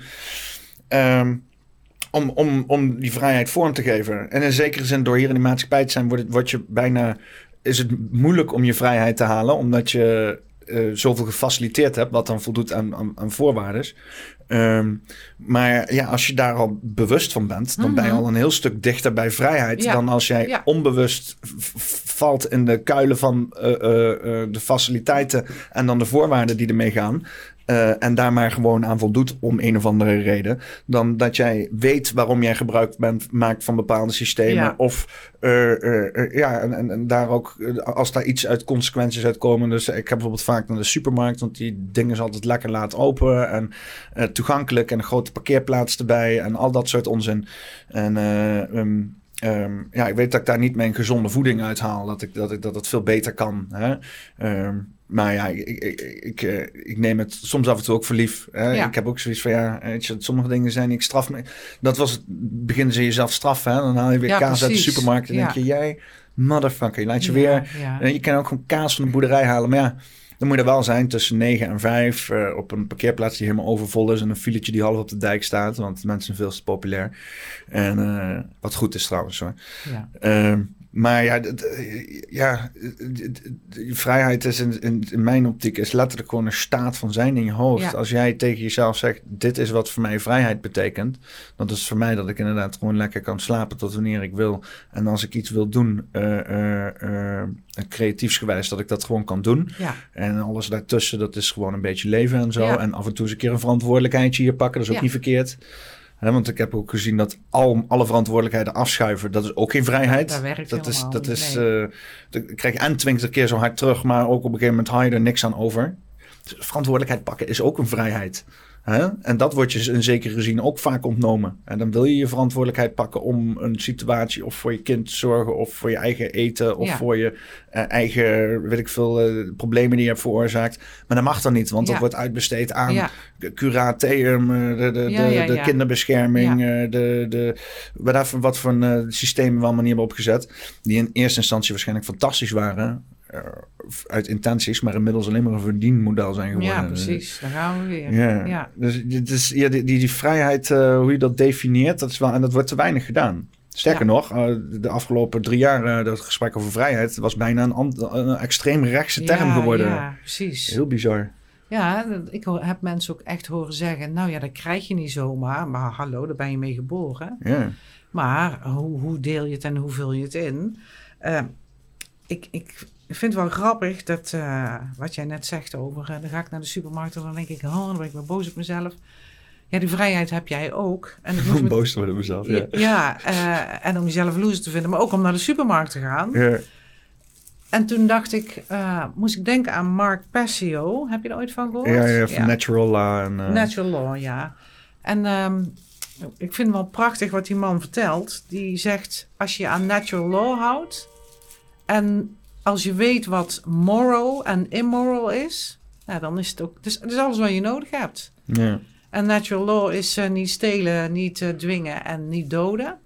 Ja, eigenlijk, eigenlijk is uh, ze ook eigenlijk uit reduceren tot niet stelen. Ja, precies. Dus, ja, iemands waardigheid niet steelt, iemands leven, leven niet, ja, iemands precies. gezondheid niet. Ja. Nou, en weet je wat good en evil is, of goed en kwaad? Hè, die, die moraliteit. Ja, en dat, dat, en dat, dat, dat vond ik ook wel, daar begon ik ook wel van na te denken. Hij zei op een gegeven moment van uh, uh, morele relativiteit, dat dat nu een ding is. En dat het eigenlijk altijd al een ding is, maar dat mensen dat vaak dan aanschrijven als logisch. Hè? Dus wat hier moreel is, is daar niet moreel. Wat moreel is voor die persoon, is niet moreel voor die persoon. En dat is natuurlijk pure waanzin. Ja, dat, dat, is, dat slaat helemaal nergens op. Maar hoe makkelijk je dat voor jezelf beredeneert. Hè? Dus dat je bijvoorbeeld ook in die pandemie je zegt van ja, nee, maar als jij deze test hebt gehad, dan mag je niet daarin. Maar als jij wel die test hebt gehad, mag je wel erin. Ja. Pure morele relativiteit. Ja. omdat je christen bent, mag je niet uh, nu seks hebben, maar omdat je christen bent, wel christen bent, mag je wel. Ja. Uh, en, en, zo, en grappig is, dat doen we allemaal voor onszelf aan de hand van waardes. Um, maar je ziet het ook qua landen en zo. En, en, en, en dan helemaal staan in je eigen uh, moraliteits, moraliteitscomplex. Hè? Ja. Dus in het Westen zie je het heel erg dat wij heel erg vrij zijn en democratisch en al dat soort dingen. Ja, mhm. En dat bij een ander systeem dan heel erg afkeuren. Ja. Maar ja, niet, in, niet in staat zijn om gewoon dat, dat issue zelf aan te spreken binnenin. Het is alleen maar, je kan dat alleen maar beoordelen buiten jezelf. Maar zodra je dat binnen jezelf moet beoordelen, dan, dan, dan loop je tegen allerlei dingen aan, zeg Ja. maar, eh, als systeem. Ja, en, en, dan heb jij En, het en dan, wordt het, dan wordt het relatief, zeg maar. Als je dan inderdaad gaat stellen, zeg van ja, nee, maar dat kan helemaal niet relatief zijn. Want Nee. dit is voor ons geldt het zo, dus dit geldt het voor die mensen ook zo. Ja. Dan is het, ja, maar die mensen. Ja, ja, ja. Ja, maar Poetin. Ja. maar Rusland. Oh, ja. ja, maar weet je wel. Vorige, vorige gesprek die ik had, is ook van, eh, van eh, ja, Rusland. eh, eh, Rusland die kan prima zijn zoals het is, maar zonder Poetin was, was dan zijn claim, weet je wel, zonder Poetin. Ik zo, eh, ja natuurlijk, dat kan zonder Poetin. Ik zo, maar eh, wie zijn wij dan om, om dat te beoordelen? Ik zeg, Ja. dat moet Rusland zelf doen, toch? Ja. Ja, dat moet dan vanuit het volk komen. Ik zeg, maar waar, waar zit je dan, waarom vind jij dan dat Poetin Ja, weg moet? Dat heeft er toch helemaal niks mee te maken? ja, en dat is dan ook weer Maar geprogrammeerd. wat, wat als Poetin weg vindt, dat Rutte weg vindt, eh, moet of zo. Als, als, als een Russen iemand zegt van ja, Rutte moet weg, dan is het oh, slecht. Oh, kijk, deze terroristische Rus. Ja, ja. Maar zelf doet hij hetzelfde. ja. Dat is die morele relativiteit. precies, Eh, precies. Voor, voor mij wel, voor jou niet. Eh, hier kan het wel. En dat komt omdat wij zo doen, daarom mogen we dit. Ja, dat, dat, zit er heel ingebakken. De mensen doen het best wel makkelijk. En sinds ik dat heb gehoord, denk ik ook van, oh, dat, is, dat is, is gevaarlijk. En het is best moeilijk ook af en toe om moreel eh, recht door zee te blijven. Ja, ook wel... maar dat is elke keer verantwoording afleggen. Of aan jezelf en eigenlijk ook aan een ander. Maar ik denk dat het daar ook fout gaat. Dat wij geen verantwoordelijkheid meer durven nemen. Hebben we afgeschoven op overheid of instanties of whatever. Zelfs eh, bij opvoeding met kinderen. Ehm, ja, inderdaad. eh, gaan we weer met de telefoon zitten. En eh, spelletjesdag die wij hadden, ja, daar hebben we geen tijd voor. Of weet je, als mensen echt hun verantwoordelijkheid zouden nemen, dan zou de wereld er echt anders uitzien. Eh, en dat klinkt als heel, een hele zware taak. ja. Ja, en, da- en daar haken we dan maar op af. Ja, Va- vaak is het bijna ook al beledigend, hè? Ja, als je gewoon je verantwoordelijkheid zou nemen. Ja, kan Ja. ik niet, want... ah. ja, ja. En als jij je kinderen op de wereld zet, dan denk ik echt wel dat je daar verantwoordelijk voor bent. Ja. En dan moet je ook heel erg nadenken, is dit oké wat ik nu doe? Maar goed, iedereen zou opgeleid mogen worden, eh, pedagogisch of eh, op een natuurlijke manier, die natural law, eh, hè, de moraliteit. Ehm, ja, dus een utopie, nee, daar gaan we gewoon naartoe. Dat gaan we doen. En wat jij Nou ja, zegt... het, het, het, zou, het zou de norm moeten zijn. Ja. De leidraad, de fundering van de samenleving. Dat is helemaal niet raar. En dan Ja. dat er daar bovenop allerlei complexiteiten ontstaan... waarbij het er nog steeds fout gaat, zeg maar. Alleen, eh, het lijkt wel alsof eh, immoreel gedrag tegenwoordig wordt beloond, zeg maar. Eh. Zelfs in de middeleeuwen was het nog niet eens zo erg. Hè? Als jij inderdaad uh, mensen oplicht op het niveau dat nu mensen opgelicht worden door sommige mensen, ging je hoofd eraf. Ja, hè? Je hand. Je, ja, nou, nou, ja, ja, nou ja, ja, je hand was dan nog uh, als je een appel had gestolen. Ja, precies. Maar als jij inderdaad het hele dorp had opgelegd met je, met je rare praktijken, ja. je een lynchparty op bezoek. Ja. Dus mensen dachten wel even twee keer na van is dit handig of niet. Maar tegenwoordig hebben we een systeem waarbij dat soort praktijken zijn helemaal beveiligd en ingedicht. En als jij je kan houden aan de juridische uh, of genoeg loopholes, genoeg juristen erop kan zetten om je in ieder geval in te dekken volgens het wetboek, ja, dan is het goed. Dan hoef je niet druk te maken over moraliteitsissues en zo, want dan ben je helemaal, helemaal beschermd. Ja. het is allemaal zo hypocriet als de pest. en natuurlijk, ik pretendeer helemaal geen perfect volmaakt mensen zijn en soms gelijk ook nog wel eens uit, maar ik, sinds dat ik dat verhaal van Mark Passio, eh, dat is al een hele tijd geleden hoor, dan denk ik, oh, oké, ja, dat resoneert wel met me. Hmm. Eh, maar dan krijg je ook veel meer dat ouders naar school zouden gaan uh, met die hele rare toestand die er nou is. Met kinderen uh, op vierjarige leeftijd al leren masturberen bijvoorbeeld. Ja, ja dat gaat echt boven mijn pet. Uh, ik snap wel wat de bedoeling, ik snap de agenda er wel achter. Ja, maar, maar dat is ook dan meer gewoon een setje mensen die een slechte ervaring hebben gehad en hun uit de kast komen voor whatever de fractie zijn en dat nu gaan projecteren op kinderen. Nou, het is nog, gaat nog wel een beetje ja, verder, okay, ja, je hebt ook natuurlijk een agenda erachter zitten. Dat, uh, maar ik bedoel, die gebruiken dus, de, de mechanismes zijn, al die mensen uh, want die mensen, die, die al die, die, die ik, ik, geloof echt dat, dat 90% van al het uh, woke soldiers uh, geen idee hebben dat ze. Ik heb wel eens een keer mensen hier aan tafel gehad die ook inderdaad in die hoek zitten. En ik begon over woke, ik ken de hele term niet eens. Nee. Je weet niet eens wat woke is. Nee. Woke, huh, wat? Ja. Woke, nee, we zijn divers en ja. we, we, zijn voor transrechten en dat soort dingen.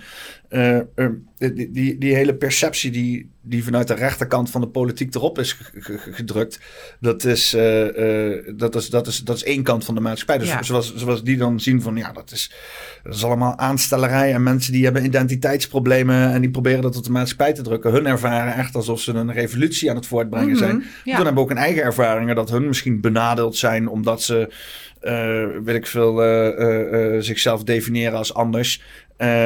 dat allemaal wordt aangeprezen. Wordt er net gezegd van ja, dat is goed dat je voelt. Dat moet je inzetten om dan de wereld te veranderen. Ja, diversiteit, inclusiviteit. Ik lig helemaal in een deuk. Mijn kleindochter van 15 had op de middelbare school vorig jaar. Was ook weer Paarse Vrijdag. En dan moest iedereen in het paars komen. En er waren allerlei activiteiten. En zij wilde daar niet aan meedoen. Want zij dacht er anders over. Hm. Ik hoef geen paarse trui aan omdat iemand anders het zegt. Ja. Want daar zegt helemaal niks over hoe ik naar die mensen kijk, wat ik daarvan vind. Symbool is het gewoon. Ja. dus geen, niet dwingen, hè? natural law, niet dwingen. Nou, en uh, toen mocht ze niet meedoen aan de activiteiten. Was dat die, die van negen die ook uh, met... Uh, nee, die, oh. deze is 15. Dat was vorig jaar. Ja. Zit op de middelbare school. En um, ik heb samen met mijn dochter een gesprekje met de directeur gehad. Ik zeg, en? ik ga wel mee. en? Nou ja, ja, dat was dan niet de bedoeling natuurlijk. Dus ik zei, ja, hoezo inclusiviteit? Zij hoort er dus niet bij. Ik dacht dat dit over inclusiviteit ging. Maar omdat zij geen paar straaien aandoet, mag zij niet meedoen ja. aan de activiteiten. En had ze daar iets terug? Ja, nee, het was een hij. Oh. Maar nou komt het. Ehm, weet je, als ik het vanuit mijn vak bekijk over uh, gender. Um, ik hou niet van oordelen, maar ik, ik weet wel van sommige dingen de hoed en rand. Um, wij zijn al jaren, worden wij volgestopt, tenminste als we het eten en drinken, met um, uh, hormonen. Oh, hè? Hormoonverstoorders ook, toch? Precies. Uh, maar ook uh, die, die, bijvoorbeeld die ftalaten hè, en die plastics die bij mensen oestrogenen eigenlijk laten ontstaan, xeno-oestrogenen. Je hebt het dan over microplastics en dat soort dingen? Ja, of, ja. ja en, en die micro, die micro, die nanodeeltjes plastic krijg je niet eens van uit je systeem. Maar daar zie je dus dat, dat mannen daar zelfs borsten van krijgen. Er komt ook veel meer borstkanker bij mannen nu voor dan ooit tevoren. Hm. Dus wij krijgen hormoonverstorende stoffen en dan kun je wel eigenlijk gif opnemen, op innemen, dat mensen een verandering voelen in hun eigen zijn. Dus ja, het, het is ook... Je kan uh, meten bij jezelf uh, hoe ver jij ontwikkeld bent in je gender. Hè? Dus of jij uh, jij volledige gendercyclus volledig hebt afgerond. Hè? Dat je dus inderdaad heel ver ontwikkeld bent in je gender, de man of vrouw. Of dat jij een beetje halverwege bent blijven hangen en niet, niet helemaal... Dat is helemaal nieuw voor mij. Ja, dat is een of andere studie van, van een... God, ik weet niet eens wat dat vakgebied is. Maakt niet uit. zij heeft aparte studie gedaan. Zij is uh, de, de Pyreneeën gaan meten van baby's. Oké. Uh, en dat is dus een stukje tussen voor de mannen onder de scrotum naar de anus... en voor de vrouwen vanaf de plasbuis naar de anus, volgens mij. hoe groter die is, hoe verder je ontwikkeld bent in gender. En oh. wat zij dus ziet, is dus veel meer baby's die geboren worden... met een kleinere afstand in hun, tussen hun scrotum. Dus veel meer mensen die geboren worden... die niet een volledige gendercyclus hebben afgerond. Ja. Nou ja, en dan snap ik dat er dat soort... En die, die begon ook over microplastics, ja. hormoonverstoorders ja, uiteindelijk. En, uh... de, de, de, ik wil even wat namen noemen. Eh, de, ja? de, de, Duponts en de... Uh, God, de Teflon en zo. Ja, maar in Nederland heb je dus ook... Dupont is die grote, ja. grote chemie-CERN. Maar je hebt in Nederland heb je Chemours. Ja. Dat is de Nederlandse afdeling van Dupont. Ja. Um, die hebben ons vergiftigd. Ja, Gemoers, die fabriek, die zit hier ons systematisch al te vergiftigen. Al decennia's lang. En die weten dat ze het doen. Precies. En uh, in de politiek niemand uh, geeft er een fuck om. Ja, ik weet het. Er was nog zo'n hijs over die brief, hè. Naar Koopmans. Ja, nou in ieder geval, uh, het zit in, in ons water. Want wat denk je? Als mensen medicijnen door de play spoelen... maar ook als een vrouw de pil slikt, de anticonceptiepil... en die plast op het toilet wat daar allemaal in zit. Mhm. Eh, onze uitscheiding, als wij medicijnen innemen, eh, ja, dat gaat ook via plas en ontlasting. En er komt allemaal een riolering. En dan moet de filter maar zo zijn. En ik, ik weet, ik heb gehoord dat dat helemaal niet kan, dat ze er echt niet alles uit kunnen filteren. Dus uh, we hadden het daar straks al over dat zwervers zo ijzersterk zijn, omdat die allerlei troep binnenkrijgen. En die blijven maar in leven. Nou, misschien uh, hebben we er ook wel een beetje stevigheid door gekregen. Maar als je op het hormonale gebied een verstoring krijgt, dan krijg je dus dit soort. Dan denk ik, oké, dan is het dus eigenlijk een medisch stukje. Ja. Maar dan moet je dan niet op school bij kinderen door de strot gaan... ja. Die op één gaat spelen. Oh, een medische verstoring. Ja, laten we hier nu gebruiken om een genderrevolutie te starten. Ja. ja. En, en, en ik heb ook wel eens het idee dat het een beetje lijkt op uh, Munchausen. De, Ken je dat? Munchausen bij proxy. Dan heb je ouders die, of verzorgers die hun kind zelf ziek maken. Om daar maar mee onder de aandacht te komen van huisartsen of andere artsen. Uh, om zelf dus uh, de aandacht te krijgen. Dat meen je niet. Ja. Beetje hetzelfde van die uh, ouders die hun kinderen naar uh, van die showtjes, van die modellenshow of sport of op sport doen, omdat ze dan zelf uh, niet uh, succesvol waren. en dan ja. het succes van het kind. Alleen dan in een nog negatievere vorm. Ja. Gewoon kind ziek maken om zelf ja, precies. Ja. een soort van hypochonderachtige uh, ja. vervulling te krijgen. Ja. Dat is ziek. Ja, dus, Way, ja, dat is een bestaande aandoening. Ja. En dus... dit, dit soort gevallen, dat, dat geeft dan weer gewoon zo'n jeugdzorg heel veel bestaansrecht. Hè? Dat is dan weer ja, jammer. helaas. Maar dan kun je nagaan dat als een kind... Kijk, ik heb op de basisschool gewerkt met vier, vijf, zesjarigen. En er waren echt wel kinderen die af en toe meisjeskleding aandeden... of uh, uh, zich uitspraken over... ik wil eigenlijk wel een meisje zijn of... Ja, ik was een tomboy. Ik weet dat mijn moeder zei op zijn Brabant... ze had een pieleke aan moeten zitten. Ik, ik, al heel jong. Ik voetbalde, ik speelde met jongens. Uh, meisjes vond ik helemaal niet leuk. Poppen had ik niks mee. Uh, weet ik veel. Autootjes had ik. Um, klom in bomen. Fikkie stoken, zoals wij dat noemen. Helemaal brand, fantastisch. Had je een brandweertruck? Nee, ik had een politieauto. Oh, mijn vader was, was politieagent. Mijn vader was politieagent.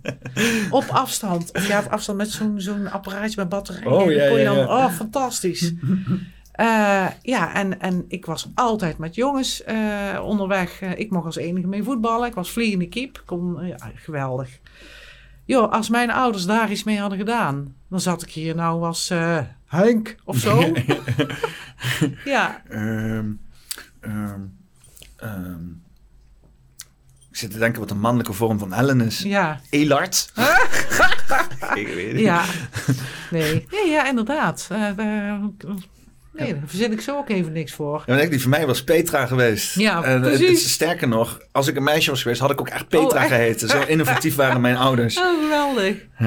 Nee, maar weet je, daar zijn fases. En, uh, en er komt, we hebben allemaal iets mannelijks en iets vrouwelijks. Mannelijke en vrouwelijke energie, yin en yang. Als je daar goed in balans hebt, prima. En het kan zijn dat de een wat meer van het vrouwelijke en de ander wat meer van het mannelijke heeft. In beide genders. Want kom op, er zijn er maar twee. Hmm. Graaf ze maar op over zoveel jaar. En dan weet je precies of dat een mannetje of dat het vrouwtje was. Ja, want eh, zoals ik het nu zie, ik heb de hele tijd naar die genderdiscussie gekeken en allemaal mensen die uh, hebben dat uitgelegd en zo. En, uh, en zoals ik het nou zie is, je hebt gewoon twee genders twee smaken. Mm. Eigenlijk is dat in het leven al, met alles. Hè? Het dualisme. Je hebt twee helften van je brein. Je hebt twee polen. Je hebt uh, in, overal in de. Zelfs als je een, een, een, een, een beestje hebt dat zichzelf kan bezwangeren, dan heb je daar twee aspecten aan: mhm. het, het bezwangerde en het zwangermakende ja. deeltje. Alles is in twee. Uh, als het gaat om creatie. Mm en dat is dan het mannelijke en het vrouwelijke. Het positieve en het negatieve. Uh, het, de, de, de, de, tegenklok, tegen de klok in en met de klok mee. Uh, en uh, nou, die twee smaken die krijgen we gedeeld. En wat je dan met die twee smaken gaat doen, dat is dan geheel aan jou. Ga jij, uh, ben jij, ga jij volledig focussen op één smaak? Wil jij juist die hele ene smaak weg? Wil je twee smaken bij elkaar gooien? Iets meer van die ene smaak en iets minder van die andere smaak? Of je wil helemaal niks doen met smaken? Dat kan ook. Flikt gewoon alle smaken de deur uit. Dat is allemaal goed. Maar je moet toch in ieder geval erkennen dat er twee smaken zijn. Want vanuit dat punt komt al die diversiteit. Op het moment dat mensen ontkennen dat die twee smaken er zijn, dan heb je niks. En, en dat is ook die discussie die vaak komt. Zeggen ze, oh, um, uh, uh, ik identificeer me niet meer als een vrouw. Je mag me geen vrouw noemen. En dan zeg je van, van ja, maar wat is een vrouw dan? Definieer vrouw is voor me. Ja, dat kan niet, dat is racistisch. Ja, maar als je het niet kan definiëren, dan kan je het ook niet ontzeggen. En dan weet je letterlijk niet waarvan jij jezelf afhaalt. of waar je jezelf wel of niet mee definieert. Als je het niet kan definiëren. Dus daar loopt al die hele discussie op vast. Het was al een paar jaar geleden. En toen zag ik al aan het kijken en denk van... ah, dit los ik zelf al op. Want volgens mij gaat het helemaal nergens heen. Maar ja, als je ziet hoe lang volwassen mensen daar gewoon maar mee bezig blijven... en niet, niet beseffen hoe tegenstrijdig die hele, hele filosofie is. Het is ook programmering. Die worden maar volgestopt met... Uh, en, en je moet voor jezelf opkomen. En, en, en dat mogen ze niet meer tegen je zeggen. En dat, prima, maar val me er niet mee lastig. Ik wil het er wel met je over hebben, maar ik wil wil er geen last van hebben. Dan kom je weer met je moraliteit. Immoreel als mensen er last van hebben. Nou, jammer. Nou, en, en als ik dan de ontwikkeling op scholen zie, dat je al vanaf vier jaar met kinderen daarmee bezig bent. En niemand heeft ehm, het besef dat de ontwikkeling in dat brein, we hadden het over die dyslexie, motorisch goed ontwikkeld zijn vanaf acht jaar pas doen. Dat jij niet in de gaten hebt dat dat brein daar helemaal niet klaar voor is. Um, er zit natuurlijk een hele gedachte achter. En ik bedoel ook een lelijke gedachte. Dat snappen we allemaal wel. dan zou je verwachten dat of een school, of een docent, of uh, ouders daar tegen in opstand komen. In die zin dat ze hun verantwoordelijkheid nemen. Zo van, dat ga ik niet doen. Daar werk ik niet aan mee. Je krijgt, je krijgt hele verwrongen situaties. Um, en mijn kleindochter, die, die had het er al moeilijk mee. Die was 13 toen dat begon, kun je nagaan. En dat is al zo'n lastige leeftijd. Dan zitten ze al een beetje in een identiteitscrisis van... Het, het is grappig dat het hormonaal juist allemaal begint te ontploffen. Uh, dat, dat het een beetje door de natuur bedoeld is als kinderen van 14, 15 jaar... dat ze zich kunnen gaan afzonderen van hun ouders. Dat ze juist die explosiviteit een beetje nodig hebben om zichzelf te gaan ontdekken.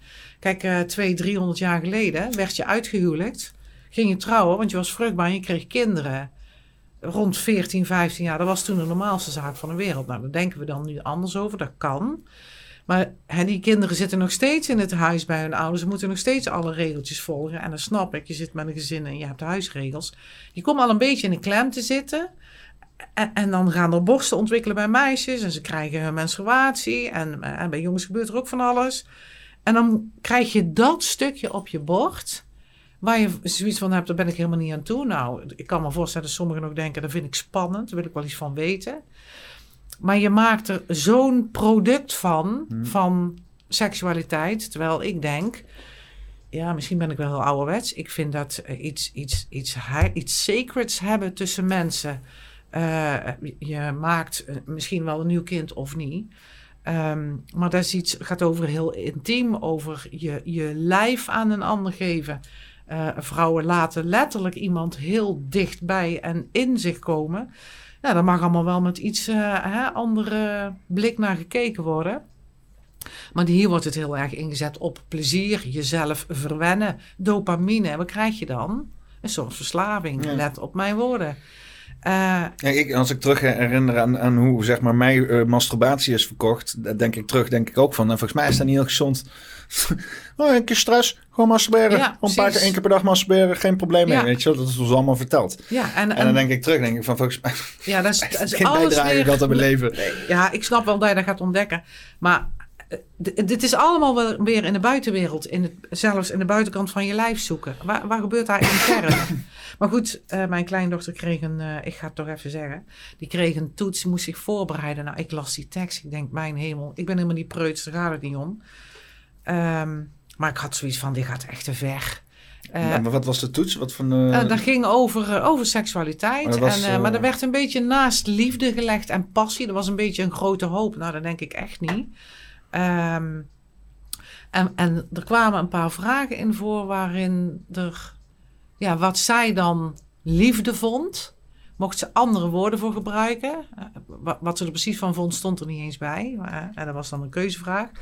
En moest het ook nog uitleggen. Dus als ze daar iets over passie bijvoorbeeld invulde of seksualiteit. Je moest het allemaal uitleggen. En wat dan je eigen voorkeuren waren. Dus ik zei, als zij dat soort vragen aan jou gaan stellen dan uh, vul je gewoon in, is privé. Ja, ik moet zeggen, daar hebben ze helemaal niks mee te maken. Nee. En, maar, ook, ook, maar kon je dat dan fout doen? Kon je, werd nou, erop getoetst? Ja, dus, dus, ze moesten een toets invullen en toen belden ze mij op. Oma, dat is wel grappig. Meteen even terugkoppeling. Uh, ik had wel een, uh, wel een goed punt, maar ik heb, uh, ik heb inderdaad privé ingevuld. één of twee vragen geloof ik. En die werden fout geregeld. Zijn er gerekend. Zei, dat kan dus niet. Ja. Nou, dit liep een beetje uit de hand eigenlijk in het volgende schooljaar. Dat um, kinderen werden uitgenodigd om, uh, nou niet uitgenodigd, die moesten naar een film gaan in een uh, filmzaal in de buurt. Waarbij uh, een kind vertelde over de verandering van gender. Nou, er gebeurden blijkbaar rare dingen op beeld. ik kan er niet over meepraten, maar ik weet wel dat er een hoop kinderen gechoqueerd waren toen ze weer op school kwamen. Maar mijn kleindochter is niet meegegaan. Die was toen 14. Die, wil, die wilde daar niet door de strot geduwd krijgen. Uh, nou, dan kreeg ze... Wat, wat, gingen ze nou doen? Naar een film ah. over, uh, over... En, en een over, kind over, kwam... over genderverandering. Ja, een kind kwam aan het woord en die ging daarover vertellen. En laat ze natuurlijk alleen maar de leuke dingen zien... en hoe fijn het was om te veranderen. Want ik ken heel verschillende gevallen van... Uh, vooral um, jongens die vrouw... mannen die vrouw wilden worden... en die krijgen een vagina die ze elke dag met een apparaat open moeten houden, want die groeit anders gewoon dicht. De fuck wat? Ja. Maar dan zie je al dat dat lichaam dat helemaal niet accepteert. En die moeten dat elke dag doen. Ja, en er zijn erbij die moeten het meerdere keren per dag. En dat is natuurlijk hartstikke pijnlijk, want dat gaat gewoon dichtgroeien. Ja, daar, daar wordt er dan niet bij verteld. Dan denk ik, dan laat ook het hele plaatje zien. Ja. En niet alleen hoe fantastisch De voor- en nadelen en alles wat erbij en hoort. En nogmaals, ik heb niks tegen die personen die daarmee bezig zijn. Maar um, als het in school opgenomen wordt als lesmateriaal, doe het dan goed. Ja. En laat kinderen ook de keus. En snap ook dat er sommige dingen in de brein nog niet daaraan toe zijn. En dus heb respect voor de kinderen die je op school hebt. Maar goed. Dus um, ja, zij had uh, uh, aangegeven dat ze niet wilde gaan. Nou, toen was ze contact met school en ze kreeg daar dus wel een aantekening voor dat ze afwezig was. Nou, uh, ik zei tegen mijn dochter: dat kan helemaal niet, want je hebt een leerplicht, maar geen schoolplicht. Dus mijn dochter heeft dat teruggekoppeld en ze zegt: Ik geef haar wel les vandaag. Dan voldoet ze aan de leerplicht en zit ze niet op school. Nou, dat is met de sister afgelopen, maar het werd eigenlijk steeds gekker. En op een gegeven moment um, zei mijn dochter: Ik ga daar iets van zeggen op school. Ik zeg: Ik ga mee. Dus wij zaten daar met z'n tweeën. En uh, ik zei: Weet je wat je eigenlijk aan die directeur moet vragen? Ja, dat is natuurlijk een beetje gemeen. Um, je begint gewoon te vragen wat, wat zijn seksuele voorkeuren zijn. Die kreeg uh, mijn kleindochter ook in het proefwerk. Ja, zeker. Dat is helemaal niet gemeen. Dus mijn dochter was, is dat. was de eerste vraag die ze stelde. En? Ja, wat denk je? Zijn ze eens privé? ja, helemaal zo. Beetje vastlopen en ja, een beetje blazen en verzitten. Die werd daar heel ongemakkelijk van. Nou, zei mijn dochter, dat gebeurde mijn dochter nou ook. Want daar heeft niemand iets mee te maken. Ja. Ik zei, en het mooie is, ik vertelde dit verhaal aan hem. Ik zeg, en dan hoor ik terug van haar dat ze het fout rekenen. Nou, dat kan niet. Ik zeg, nee, dat bedoel ik. Dat kan niet. Ja, hij zei, dat kan ik natuurlijk niet meer aanpassen, want dat was vorig jaar. Ik zeg, nee, maar ik wil het wel even gezegd hebben. Nou, dit verhaal ging eigenlijk over proberen die man te laten zien waar hij mee bezig was. Gewoon wat, er, wat er in zijn school gebeurt. Uh. Word wakker uit je programma om dit zomaar te volgen, braaf, wat jou opgelegd wordt. Denk zelf na. Maak even contact met jezelf. Laat je bewust zijn. Ik bedoel, eh, alles waar ik het net over gehad heb. Uh, je moreel kompas, gebruik daar even. Uh, en toen zei hij, nou ja, weet je, wij doen dit om kinderen te chockeren. Nou, ik viel van mijn stoel. Ik zeg, pardon? Dit is traumaprogrammering. Ik zeg, die komen daarna allemaal bij mij in de praktijk en dan kan ik ze allemaal weer deprogrammeren. Die lopen helemaal vast, die kinderen.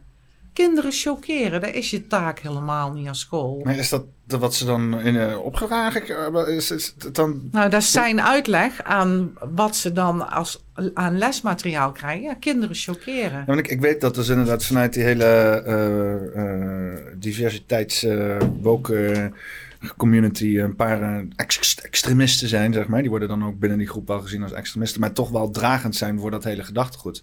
En, en die willen letterlijk inderdaad uh, gender weg hebben gewoon. iedereen moet gender weg hebben. Dus ze hebben ook letterlijk gewoon uitgesproken, dit is hoe het werkt gaan. We gaan alles zo belachelijk maken, zo over de top trekken, dat op een gegeven moment niks meer iets betekent voor mensen. Zodat hè, uh, we als, als, als een soort van genderloos ras verder kunnen gaan. En dus die ideologie bestaat gewoon echt. Maar um, uh, je krijgt toch altijd heel erg het idee dat dat uh, in de fringes bestaat. En dat als normaal dingen worden uh, ja, doorontwikkeld, dat dat dan in ieder geval naar een plek is gebracht waarbij het niet zo radicaal is. Mm. Maar als ik dan hoor dat gewoon chockeren gewoon als, ja. als, als excuus ja. wordt of ja. als ja, nou, ja, reden wordt gebruikt waarom dit soort dingen worden gedaan, dan lijkt wel alsof dat extremisten, gewoon extremisme juist, uh, juist de kern is van, van die hele beweging. Ja. ja. Ik kan jou zoveel voorbeelden noemen, dat ga ik nu niet doen. Maar waarbij ik denk, mensen zijn echt, uh, nou ja, het, ik blijf het herhalen, totaal niet in contact met zichzelf. En zo'n kind heeft daar nodig. Kreeg je nog reacties van andere ouders binnen die, uh, binnen die school? Was dat nog, nee, want ik geloof niet dat mijn dochter heel veel contact heeft met de andere ouders. Want ja, wij, wij maar het was niet zeg maar op zo'n open avond of zo. Nee, nee, nee. Dat was, tussen een persoonlijk gesprek. Ah, ja, en omdat ik een tijdje in het onderwijs heb gezeten, had ik daar, wilde ik ook wel mijn sausje daarover gooien. Niet zozeer om belerend te zijn, maar um, ik heb, kijk, weet je, ik heb in het onderwijs gezeten toen mijn praktijk nog maar net begon. Uh, ik, niet helemaal fulltime vol. Eh, dat wil ik nou ook absoluut niet meer trouwens. Uh, maar ik was alleenstaande ouder en ik moest natuurlijk even de eindjes aan elkaar knopen. En toen dacht ik, nou, dan ga ik een stukje onderwijs erbij doen. Heb ik een, een verkorte opleiding gevolgd als leraarondersteuner. En ik kreeg daar een hele eigen functie, superleuk. Hmm. Uh, maar ik keek daar wel vanuit mijn medische kant ook naar. En vanuit hoe het programma's werken en hoe het brein werkt. En dan zie je dat in het onderwijs daar heel veel misgaat. Um, en dat weten we in de tussentijd, want kinderen leren echt, ja, naar mijn idee, niks zinnigs. Helemaal niet. Uh, school is uh, voor mij een, uh, een machine om productieve, om, om, winstgevende werknemers te creëren. of inmiddels niet eens meer werknemers, maar gewoon consumenten. Indoctrinatiefabriek is het. Ja, maar, maar ja, want zoals ik het heb begrepen, komt dat uit de Weimarrepubliek is ontstaan na aanleiding van de industriële revolutie en de grote koning. Uh, Otto, Frederik, weet ik hoe die gozer heet.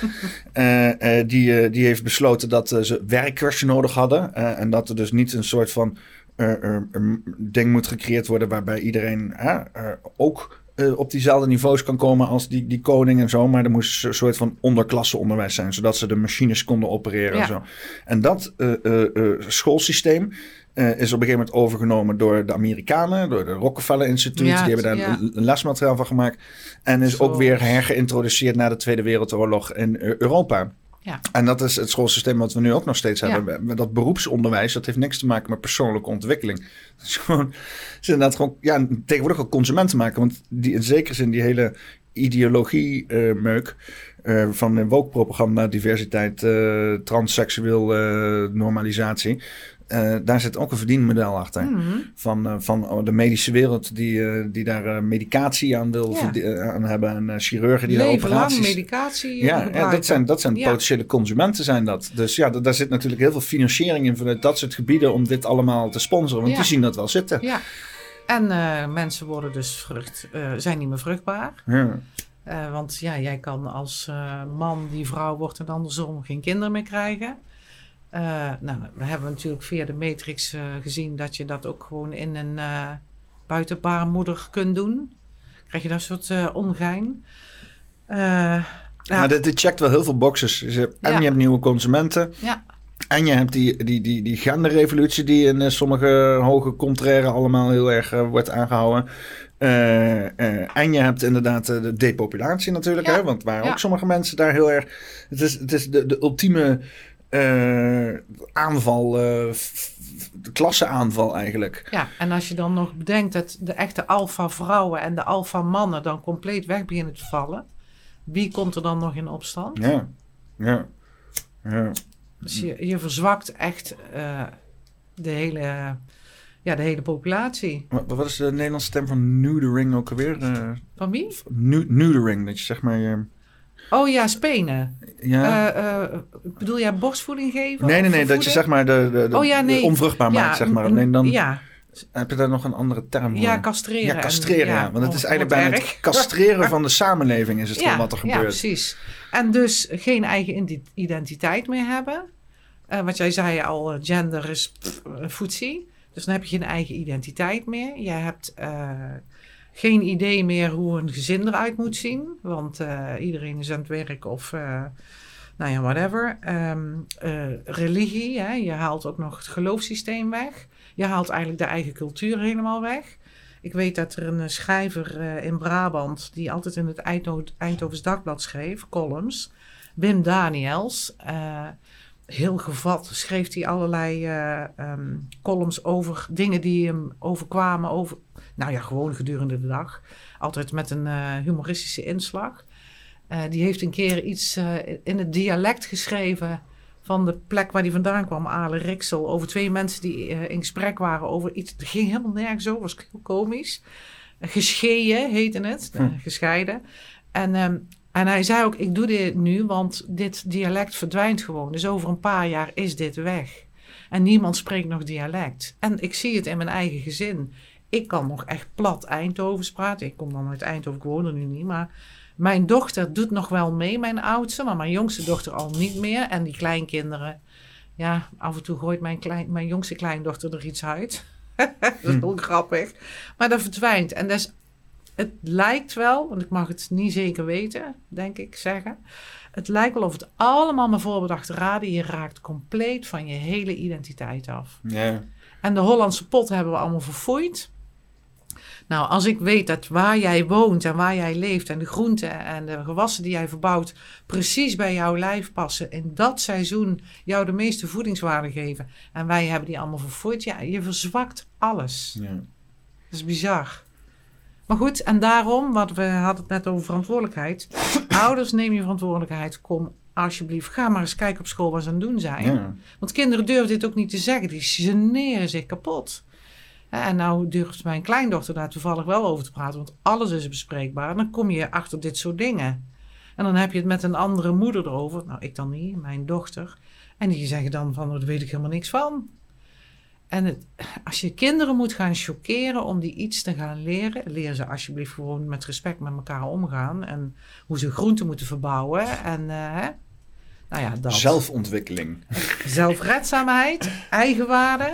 Dus ik zei... Is, is, is ook heel goedkoop voor de maatschappij als je heel veel zelfredzame mensen hebt. Voor de mensen die naar economisch belang zoeken. Ja, precies. Ja, en dan, uh, ik zei ook nog tegen die man, uh, ik zeg, mogen die kinderen ook nee zeggen? Mogen die iets weigeren? Als zij heel goed voelen dat het niet bij hun past. Dat ze er niks mee hebben. Ik zeg, want dat gebeurt volgens mij niet. Nee. Ik zeg, en ik denk dat je dat kinderen moet leren. Om een eigen mening te hebben. Om voor zichzelf op te mogen komen. Want het is allemaal kuddegedrag. Ja, nou ja, goed. Um, mijn, uh, mijn, mijn dochter laat het in ieder geval niet zomaar met rust. En die, die spreekt daar netjes over, maar wel met. Ze zorgt in ieder geval goed, ze neemt verantwoordelijkheid goed voor haar eigen kind op. Kijk, en niet omdat die, die kleindochter van mij zegt van, oh nee, laat maar, dat mijn dochter zo nodig haar gelijk moet halen. Dat is wel een overeenstemming. Maar uh, ja, ik, ik, denk dat wij mogen nadenken over hoe wij de nieuwe generatie. Uh, die de hele dag dit zit te doen, is natuurlijk ook allemaal bewust. Ja, je hoort altijd van oh, de, de, de, nieuwe generatie dit of de jeugd van tegenwoordig, dat soort dingen. Maar de mensen die dat zeggen, die hebben dat grootgebracht. Ja, precies. ja.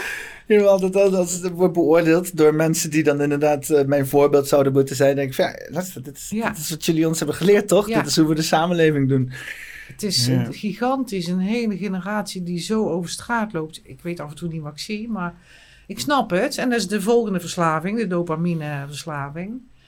Uh, en, dan, en dan gaan we weer. Als je dan gaat veranderen, dan krijg je even kortsluiting in het programma. Dan krijg je natuurlijk weerstand en stressreacties. En dan worden kinderen, jeugd worden boos. Ja, en dan zegt een ouder, laat maar. Twintig keer volhouden mensen. Twintig keer? Twintig keer repeteren, minimaal. ja. Dus, en zo gauw jij dan uh, uh, anders wil gaan eten en een ander zeepje wil gaan gebruiken, twintig keer volhouden. En gewoon twintig keer wassen met hetzelfde zeepje, dan is dat vanaf dat moment, joh, moet ik dat wel gaan bijhouden, anders weet ik niet wanneer ik op twintig zit. Dus zit ik al op twintig? Ja, ja. zit al nu al in mijn systeem? Ja. Uh, ja, herhaling. Ja. Dat is wel, uh, maar dan wel goede herhaling. Ja, en uh, herhaling van, um, van iets waar je, je, je bewustzijn mee verruimt. Van, oh, ik ben nou goed bezig en ik gebruik nu dit. En uiteindelijk, wat ik al zei, het, het vijzelt continu je eigenwaarde op. Ik ben goed bezig. En als je dan een keer iets misdoet. Jan Geurs, ik weet niet of je die kent. Nee. Uh, die die Nederlander met die grijze krullenbol, die heb ik geregeld bij uh, Giel Belen voorbij zien komen. Maar die hmm. heeft ook mooie boeken geschreven. YouTube staat er ook vol mee. Ja, precies. Ja, Kuruku, ja. Die, uh, die zegt ook over verslaving, heeft hij een boek geschreven. En daarvan zegt hij ook, als je dan af en toe moeilijk hebt, um, dan als je weer ziet dat je iets doet dan stap je even uit jezelf, denkbeeldig, en dan kijk je even zonder oordeel naar jezelf. Zo van, ik doe het weer. Dat is even al die bewustwording, hè, die mindfulness. Ja. Uh, en dan zeg je, geef niks, mag best. en dan vind ik het mooiste wat ik ooit heb gehoord. Dus ik roep de hele dag, geef niks, mag best. en dat je jezelf geen loser vindt, want dan schiet je weer terug in die ellende. Ja. En dus als jij straks een keer vergeet om je met een zeepje te wassen, geef niks, mag best. Uh, zit er wel goed in, denk oh, ik. Wel, ja. dat voelde wel gelijk heel goed. En vooral omdat ik de hele tijd uh, het zo lang heb zitten uitstellen, zeg maar. Uh, met wel het bewustzijn dat ik niet goed bezig ben. Dat het in één keer die oplossing er was. Stom is, het, iemand heeft me dat gegeven. Ik heb niet eens het zeepje zelf gehaald. Okay. Dat is ook vaak een ding in mijn leven dat, dat ik iemand nodig heb die dat mij gewoon zo forceert zo. Ja. En ik neem ook altijd graag dingen aan van iedereen. Inspiratie, en dan, zullen we het maar noemen. En dan, dan neem ik dat tot hart. En dan is dat mijn nieuwe ding. Dat heb ik wel heel vaak. Ja. Uh, het is wel... Uh, nou, mooi dat je daarvoor open staat. Ja, ja. Is, is, is, is, is, om mijn gebrek aan initiatief te aanvullen. Ja, ja maar ja, stel voor dat je... staan voor andere shit. Ja, stel andere. voor dat je overal nee tegen zegt. Want die kom ik ook heel veel mensen tegen die alleen maar dit doen. En uh, ja. ja. Dus het is altijd mooi om ergens voor open te staan. Het hoeft helemaal niet jouw waarheid te worden, maar probeer het twintig keer. Ja, twintig keer gaat. Ik denk, ik, denk, ik denk dat ik al bijna op twintig zit. Ja. ja. um, einde? Rustig een einde eraan brengen? Ja, ik, uh, ik heb het idee dat ik uh, wel mijn ding, uh, wat ik wilde... nou, ik hoop dat het een inspiratie is voor mensen in ieder geval. Wat ik wilde overbrengen, dat het gelukt is. Um, ja, samenvattend, we zijn knetter geprogrammeerd. We doen heel veel onbewust en daar kunnen we zoveel aan doen als we maar lief voor onszelf zijn. Geef niks, mag best. Een beetje ehm, ja, in de bewustwording gaan zitten dat we ehm, heel vaak het leven van een ander leiden. De overtuiging van de ander bij ons hebben genomen. En als we daarna gaan luisteren wat we echt willen. En alle waarschuwingen die, die we uit onze buik krijgen. Want het is niet oké, okay, het is niet goed. Dat we nee gaan durven zeggen met een rechte rug. Uit zelfliefde. Jongen, dan spreaden wij die love overal naartoe. Dan wordt het een hele mooie wereld. ah, mooi. Ja. Uh, er is een traditie hier dat we uh, even aan het eind van de podcast even een titel verzinnen. Oh. Voor deze. Oh jee. Dus uh, zijn er woorden. Ik heb al wel heel veel woorden voorbij horen komen. Ja. Ik dacht ook aan iets van zoekende programma's of zo. Ja. wie ben ik? Was vroeger zo'n zo'n tv-programma, dat weet ik nog wel. Daar werd alles vooruit de kast gehaald. Op zaterdag zaten we op de bank en dan kregen we een half glaasje prik en een halve snicker. Wie ben ik? Wie ben ik? Um, ja. ja, kan wel. Nou ja, het is nee. Wel, is wel uh, tot de kern misschien. Ja. Ik hou wel van simpele dingen. Oké, okay. ja, daar hadden we dat over. ja, ja, ja, ja, ja. Ja. Ja, je mag er nog een sausje over gooien. Ik vind wie ben ik, vind ik helemaal goed. Oké. Okay. Voor, vooral omdat het ook persoonlijk bij jou iets naar boven brengt. Zo, dat je daarom moet denken. Dat vind ik altijd een signaal ja. dat er wel... En dat had ja. zo moeten zijn. Nou, mooi. Ja, dan uh, is dit uh, uh, Poppenkast nummer 140 ja. alweer. met Elle. Ja. Wie ben ik? Ja. Hartstikke bedankt. Graag gedaan. Ja.